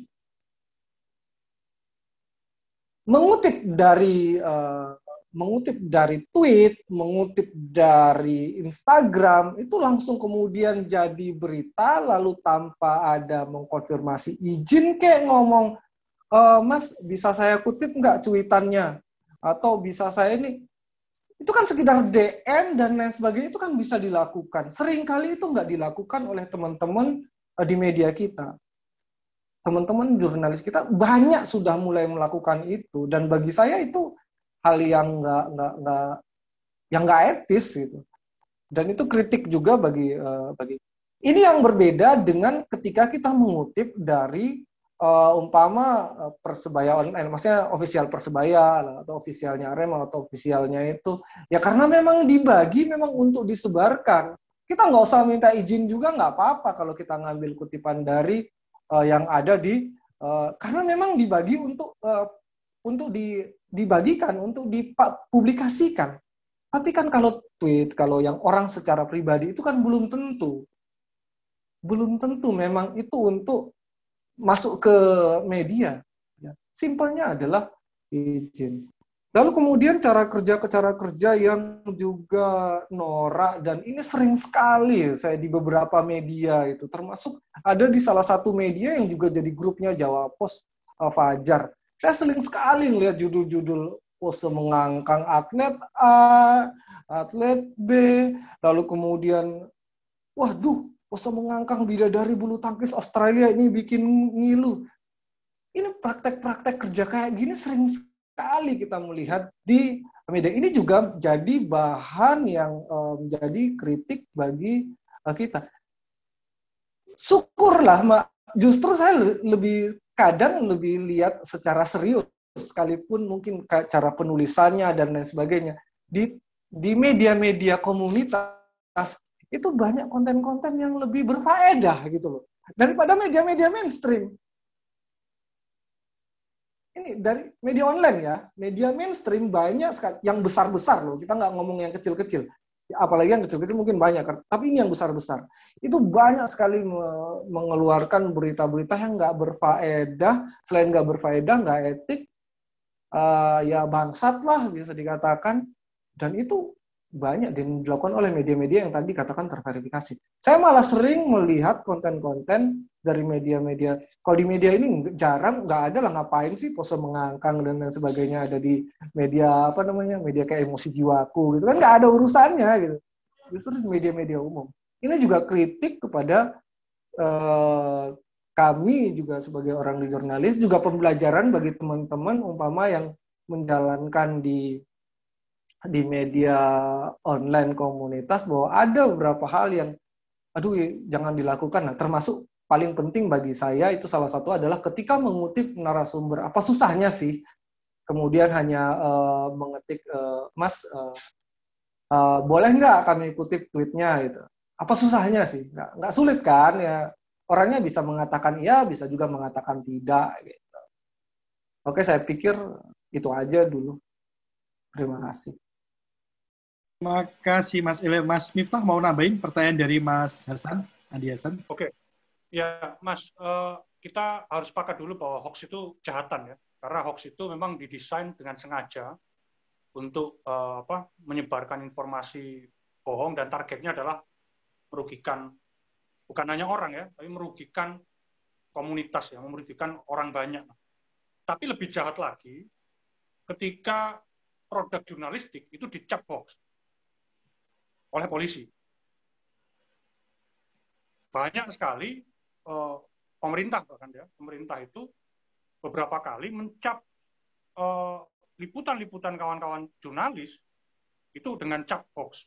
Contoh misalnya uh, liputan kawan saya di Kompas Koran ya, uh, Ahmad Arif, Mas Ai tentang apa? Tentang corona. Yang kedua itu juga tentang corona yang berkaitan dengan uh, kehabisan tabung oksigen di rumah sakit Sarjito. Puluhan orang meninggal kan, itu dicap hoax sama polisi, sama Kominfo. Proyek Multatuli itu yang tentang apa uh, pemerkosaan tiga anak itu juga dicap hoax sama polisi dan itu disebar ke teman-teman jurnalis di sana bahwa ini hoax, hoax, hoax. Memproduksi hoax itu jahat, tapi melebeli karya jurnalistik dengan sebutan hoax itu juga jauh lebih jahat. Apalagi yang melakukan itu lembaga negara yang seharusnya ya, ya mereka punya anggaran, mereka punya SDM, mereka dibiayai pajak, mereka jauh lebih cerdas seharusnya dari sekedar kasih stempel produk jurnalistik itu dengan sebutan hoax. Jadi uh, kita harus bicara dulu siapa yang memproduksi hoax itu. Jadi produksi hoax itu hoax itu bukan monopoli masyarakat, tapi negara itu juga secara secara konsisten juga memunculkan hoax itu gitu loh. Minimal dengan apa? Memberikan cap hoax pada karya-karya jurnalistik. Itu ya. Nah, soal hoax ini memang uh, menjadi pekerjaan kita ya bersama-sama. Bahkan saya lebih lebih concern ya di media media supporter ini itu jangkauannya jauh lebih jauh lebih luas, jauh lebih dekat sebenarnya ke supporter-supporter ini. Kalau kita bicara soal literasi, me menggantungkan literasi itu ke media mainstream itu agak agak susah kita. Maka sebenarnya peluang untuk melakukan literasi yang lebih baik itu ya di teman-teman komunitas ini di organisasi profesi AJI misalnya ya di Mavindo di teman-teman yang bergiat dalam cek fakta itu jauh lebih jauh lebih efektif ketika kita bicara soal literasi. Soal hoax misalnya ya. Itu jangkauannya jauh lebih luas dan lebih dekat. Ada historisitas yang tidak bisa kita nafikan yang kemudian mempengaruhi kondisi psikologis para teman-teman sporter ya. Teman-teman sporter misalnya uh, sakit hati dengan media mainstream ya karena pemberitaannya yang nggak berimbang, pemberitaannya yang lebih cenderung bombastis, provokatif misalnya, dan itu menebal, kemudian itu me, apa, me, semakin tahun regenerasinya dan itu semakin tebal ya, kemudian mereka mengafirmasi, membentuk komunitas dan kemudian membentuk media-media alternatif sendiri, itu yang saya pikir sebagai peluang untuk kita meliterasi kawan-kawan. Gitu. Jadi jangkarnya sebenarnya ada di uh, media media komunitas ini gitu. Dan itu jauh lebih efektif. Mereka jauh lebih nurut ya dalam tanda kutip ya atau jauh lebih percaya dengan emosi jiwaku ketimbang media tempat saya bekerja misalnya. Mereka akan bonek-bonek itu akan sering sekali lebih sering mengakses emosi jiwaku misalnya atau teman-teman Aremania itu akan lebih sering ongisnade.net ketimbang mengkonsumsi media tempat saya bekerja misalnya. Dan itu sudah naluri ya, alamiah gitu. Ada proximity dalam jurnalis itu ada kedekatan. Saya lebih dekat dengan Ongis Nade, maka saya akan mengakses Ongis Nade. Nah, kalau secara psikologis itu sudah dekat, tetapi peluang itu nggak kita tangkap, ya kan sayang sekali. Ya, jadi eh, tanggung jawab besarnya memang ada di forum-forum media supporter, ada uh, apa uh, emosi jiwaku, Ongis Nade, atau yang di Persib, atau yang di Jakarta. Nah, itulah yang kemudian memiliki peluang yang besar dan tanggung jawab yang besar juga untuk melakukan literasi. Tentu ya nggak bisa sendiri ya, karena bicara soal ITE, bicara soal hoax, sekali lagi kawan-kawan harus berjaring. Nggak berjaring agak susah, karena dunia sepak bola itu bukan sekedar oper-operan kan, bukan sekedar berapa skor hasil akhir, bukan sekedar analisa pertandingan, gitu loh. Tapi di situ juga ada isu kesejahteraan, ada isu eksploitasi manusia terhadap manusia, ya ada isu soal kejahatan, bunuh membunuh, ada ada banyak sekali dimensi yang bisa kita garap bersama sebenarnya. Itu sih. Baik, terima kasih Mas Miftah. Uh, monggo silakan kalau ada pertanyaan lain. Oh ya tadi sempat ada yang tanya Mas buat Mas Iwan Iwe dulu waktu di Blitar itu sempat ketemu dengan Ongis Nadi. Mas Irfan ya kalau nggak salah. Monggo silakan ada yang minta diceritain? Waduh. Sebenarnya kalau apa itu kan sebenarnya waktu tahun 2019 kayaknya ya. Atau 2020 saya lupa. Jadi uh, waktu itu kan asalnya waktu itu kita saling berbalas tweet. Jadi waktu itu kan Ongis Nade nge-tweet tentang soal kuota, terus apa di EJ di Twitternya juga akhirnya membalas itu akhirnya jadi rame. Terus kebetulan kan saya meliput di waktu itu kan Piala Gubernur Jatim di Blitar waktu itu kan babak semifinal kalau nggak salah. Nah waktu itu kan uh, si adminnya Om Nade juga juga meliput. Jadi kita di stadion yang sama. Cuman waktu itu kan memang saya ke sana emang bukan bukan ini ya, karena kan sebagai pengelola media kan kacamatanya bukan kacamata supporter murni, tapi sebagai media. Jadi ketika uh, saya bertemu akhirnya bertemu dengan uh, adminnya Om Isade ya ya yang dibahas bukan rivalitas tapi lebih ke pengelolaan media. Nah, jadi dari seperti itu Mas. Tadi kan uh, Mas Dian kan juga nanya soal bagaimana sih uh, membuat media yang membangun. Jadi emang emang emang itu ya konteksnya sama tadi pertemuan saya dengan uh, Om Isnadi ya itu kan emang semua media harus berangkat dari fakta jadi uh, uh, media supporter khususnya kan harus harus menyajikan konten itu harus ada dasar faktanya. Jadi nggak sekedar melempar opini yang itu malah memperkeruh suasana. Jadi uh, tugas sebagai pengelola media itu ya ya kita harus berangkat dari fakta dan ketika ada permasalahan kita harus menjelaskan itu dari duduk permasalahannya itu seperti apa. Bukan bukan kok sebagai media kita malah memanas-manasi. Jadi kacamata kita jangan kacamata supporter murni yang ketika ada permasalahan yang menyangkut rivalitas biasanya kita panas. Sebagai media ya kita jangan jangan panas. Ya kita harus harus e, menjelaskan dan lebih mengangkat ke fakta. Nah, ketika itu dilakukan e, ya itu kita juga akhirnya mengedukasi e, supporter juga. Jadi kita bukan bukan uh, ikut malah memanas-manasi. Nah, jadi jadi seperti itu Mas Mas Dian. Jadi uh, kalau untuk mendengar cerita bagaimana pertemuan saya dengan Admin Adin, mungkin nanti kapan-kapan kita ketemu. Kebetulan saya kenal dengan Mas Dian yang tadi bertanya. Untuk jelasnya nanti mungkin Mas Dian bisa kembali membaca di di emosi jiwaku lagi. Seperti itu Mas Jun. Oke, terima kasih Mas Iwan Iwi. Monggo silakan teman-teman, kita masih punya sekitar 10 menit. Masih bisa satu pertanyaan atau boleh pengalaman juga. Itu misalnya teman-teman pernah kena jeratan undang-undang ITE. Ini gizi semua ini. Daging semua isinya. Daging semua. Menjaga karena eh, apa di media komunitas itu yang model kita, saya sepakat dengan Mas Miftah Farid tadi, adalah kita saling berjejaring gitu kita saling support. Kalau kita nggak saling support, ya seperti halnya sapu, lidi itu kalau jadi satu akan menjadi kuat. Gitu. Moga silakan teman-teman. Atau sudah cukup larut malam?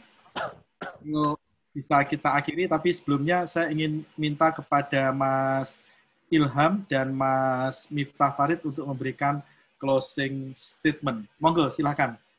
Siapa? Oh sorry, ada pertanyaan nih sebagai penutup nih. Oke. Uh, ini izin ke Bang Ilham Zada. Ini menarik. Kayak mana kalau kayak, kayak influencer, kayak Mafia Wasit misalnya, yang suka body shaming, ingin perempuan. Gimana itu Mas Ilham? Biar tidak milgis kamera, kalau kata Laura Mulvi. Uh, ya tadi kan uh, media aja saya per pertanyakan kan, wah beritahu eh ininya mengangkang-angkang dan uh, beberapa kali di ketika mafia wasit melakukan sekalipun saya bukan adminnya, uh, tapi orang mengatakan eh kayaknya adminnya atau setidaknya saya tahu, maksudnya saya cukup tahu orangnya ya saya tulis di bawahnya eh, jangan seksis gitu dong gitu ya sesimpel itu aja saya melakukan sekalipun uh, ya nggak ini nggak apa namanya mungkin nggak ya sebaiknya memang dihindari pada dasarnya memang sebaiknya dihindari. Cuman ada satu uh, dan ini sekedar informasi ya, ketika bercanda-bercandaan uh, tentang mafia masjid saya adminnya dan lain sebagainya, saya selalu menanggapinya dalam konteks bercanda ya. Jadi ya ya it's okay gitu. Tapi ketika kadang serius karena ada satu kali ada satu akun yang dia memprotes ke saya secara serius terkait dengan apa yang dilakukan oleh mafia wasit ini uh, uh, apa namanya seksis gitu loh. Jadi dia ada cuitan seksis uh, yang nemen lah dalam tanda kutip. Nah ada akun lain kemudian protesnya ke saya gitu lah. Dan hari itu saya sangat marah gitu loh. Ini ngapain kamu proses protes ke saya gitu. Kalau kamu bercandain soal itu ke saya, oke. Okay.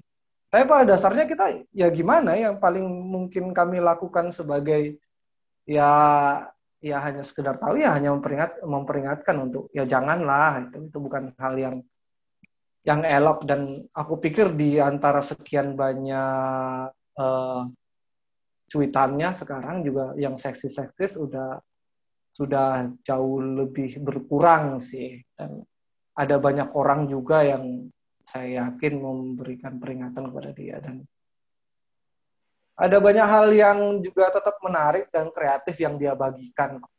Dan saya pikir ya kreatif. Ya itu yang saya bilang, uh, gimana cara uh, ini balik lagi akhirnya jadi ke konten bagaimana agar konten itu nggak kena UIT sekalipun dia pernah di, di hampir dilaporin juga untuk kasus UIT loh ya.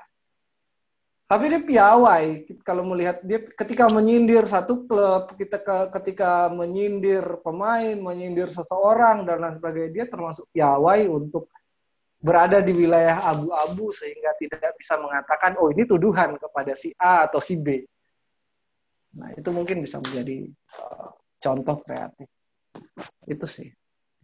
Oke, Mas. Kalian closing statement, Mas. Dari Mas Ilham oh. dulu uh, saya setuju dengan apa yang disampaikan oleh uh, Mas Miftah Farid bahwa media komunitas sekarang itu jauh lebih efektif dalam hal memberikan literasi kepada uh, publiknya.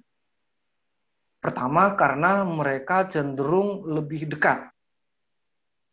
Artinya ya ya proximity-nya, proximity-nya secara ikatan emosionalnya sudah lebih jelas gitu itu tentu saja berpengaruh.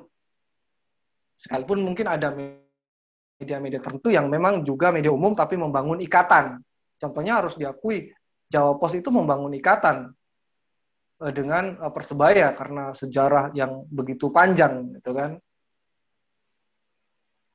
Nah, dalam konteks seperti ini ya kalau melakukan literasi dengan baik ya memang dilakukan melalui eh, media-media uh, supporter. Itu yang pertama. Lalu yang kedua kepada media supporter. Ini harus menegaskan dengan tepat bargaining posisinya gitu. Dia adalah media supporter atau media manajemen. Ini maksud saya adalah agar tidak kemudian apa ya ya kalau media manajemen ini akan menjadi berbeda. Jadi teman-teman harus bisa menempatkan diri pada posisi yang tepat dalam konteks sebagai media komunitas untuk supporter. Gitu aja sih.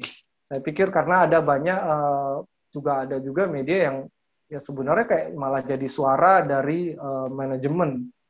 itu membuat akhirnya jadi nggak independen nggak independen di uh, lingkaran teman-teman sendiri. Padahal ada baiknya bagi seorang jurnalis sekalipun itu jurnalis media komunitas adalah keberadaan dia sebagai seorang yang independen. Gitu. oke ya bukan bukan netral ya jangan salah salah dengan netral ya. Netral itu band. Kalau jurnalis itu independen. Saya pikir Uh, itu aja yang bisa saya, sampaikan. Saya mengucapkan terima kasih. Mohon maaf kalau ada yang kurang. Dan sekali lagi, kalau bercandaan soal admin mafia wasit, it's okay. Tapi kalau dibawa serius dengan saya, kadang juga saya kurang serak. Karena bukan gitu loh. Oke, terima kasih ya. Oke, terima kasih sekali Mas Ilham. Selanjutnya Mas Miftah Farid sebagai penutup diskusi kita ini. Silakan Mas. Ya, kawan-kawan. Uh, tadi pertanyaan yang harus kawan-kawan jawab adalah soal kalau tadi Mas Ilham ngomong bargaining position ya. Uh, saya lebih ke apakah kawan-kawan ini ya mendeklar diri sebagai media massa atau sekedar media. Ya, ya bisa saja media humas ya, uh, media seperti media apa yang saya tadi kasih contoh lembaga amil zakat ya, terus kemudian punya media atau media massa. Kalau kawan-kawan sudah mendeklar sebagai media massa atau pers, berarti tuntutannya dua. Taat pada undang-undang pers, dan yang kedua, memegang teguh kode etik jurnalistik. Kalau di AJI, ya, saya sudah tegaskan tadi, kita tidak bergerak pada urusan formalitas. Belum mas, saya belum terdaftar Dewan Pers, itu urusan lain. Tapi kawan-kawan memegang teguh undang-undang pers, itu soal lebih penting.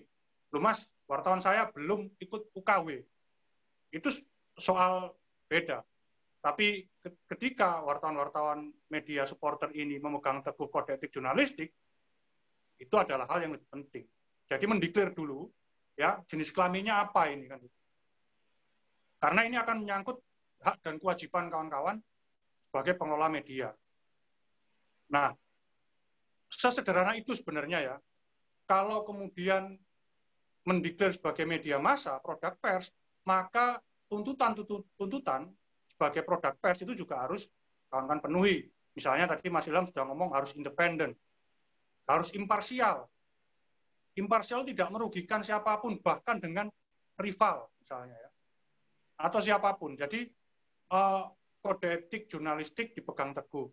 Semua yang berkaitan dengan pers harus dipegang teguh.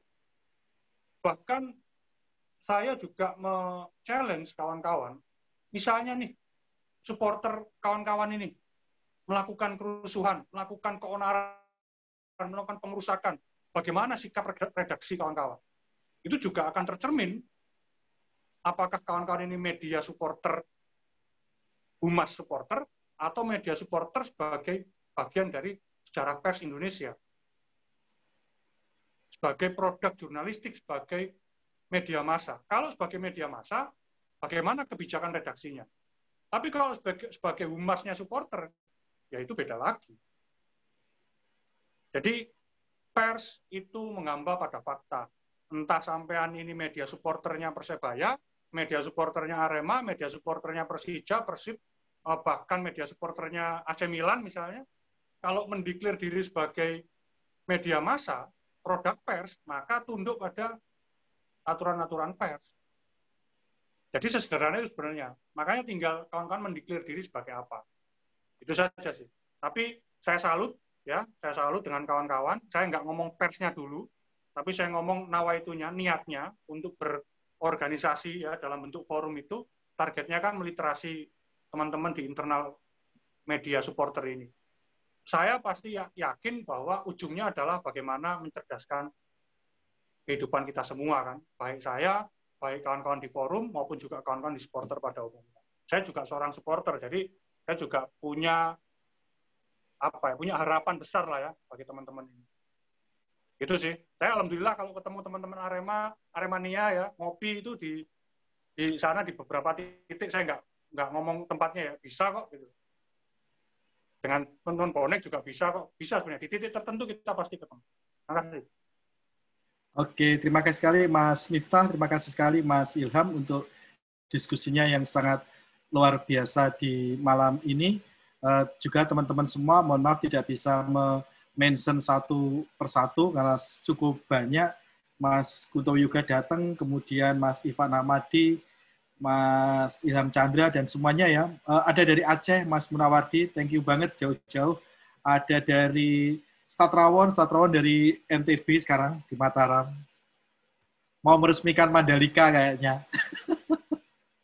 Baru pulang. Mbak Riri, mohon maaf ya, tadi juga ada Mas Guntur dari Kudus, Mas Fikri Hakim dari Tasikmalaya, kemudian mana lagi ya? Mohon maaf kalau tidak bisa mention satu persatu sekali lagi, tapi senang sekali bisa ketemu dan jika teman-teman ada ide ngobrol lagi nanti bisa disampaikan ke Mas Iwan Iwe. Kami tentu saja akan sangat senang hati memfasilitasi banyak hal gitu banyak hal. Semoga bisa ketemu secara offline di hari hari yang ke depan dan uh, semoga ini menjadi jalan bagi jejaring kita dengan teman-teman semakin luas. Salah satunya dengan Mas Miftah Farid di Aji Surabaya karena seperti yang saya sampaikan uh, Aji adalah organisasi yang sangat konsisten untuk memperjuangkan kemerdekaan pers, kebebasan pers bahkan selama ini yang sangat concern terhadap uh, apa media-media di luar arus utama, termasuk pers kampus, kemudian mungkin sekarang ini Mas Miftah masuk ke media sepak bola, supporter maksud saya. Gitu. Terima kasih kepada teman-teman di Bola Abis, Sima Maung, dan uh, Bajul, uh, Mas Ganta, Mas Kunto Yoga, Mas Iwan Iwe. Mas Iwan Iwe, monggo kalau mau ada penutup dari Mas Iwan Iwe sebagai tuan rumah, monggo Mas Iwan. Ya, terima kasih atas uh, partisipasi teman-teman sekalian di diskusi kali ini. Uh, eh, FMS bakalan bikin uh, diskusi rutin tentang pengelolaan media. Nah, buat teman-teman yang sekarang lagi mengelola media bisa gabung ke grup WA-nya FMS. Nanti nomornya sudah saya uh, cantumkan di chat. Nanti langsung kontak saya. Jadi nanti kita di sana bisa belajar tentang bagaimana sih mengelola media jadi kita bakalan menggelar rutin mungkin uh, sebulan sekali yang menghadirkan praktisi media yang yang kita bisa belajar bareng tentang bagaimana sih mengelola uh, media. Begitu saja. Oh ya, follow uh, Twitternya uh, FMS di FR Media Sub buat mengikuti update tentang pengelolaan media dan belajar bareng. Kayak gitu Mas Jun. Terima kasih Mas. Oke.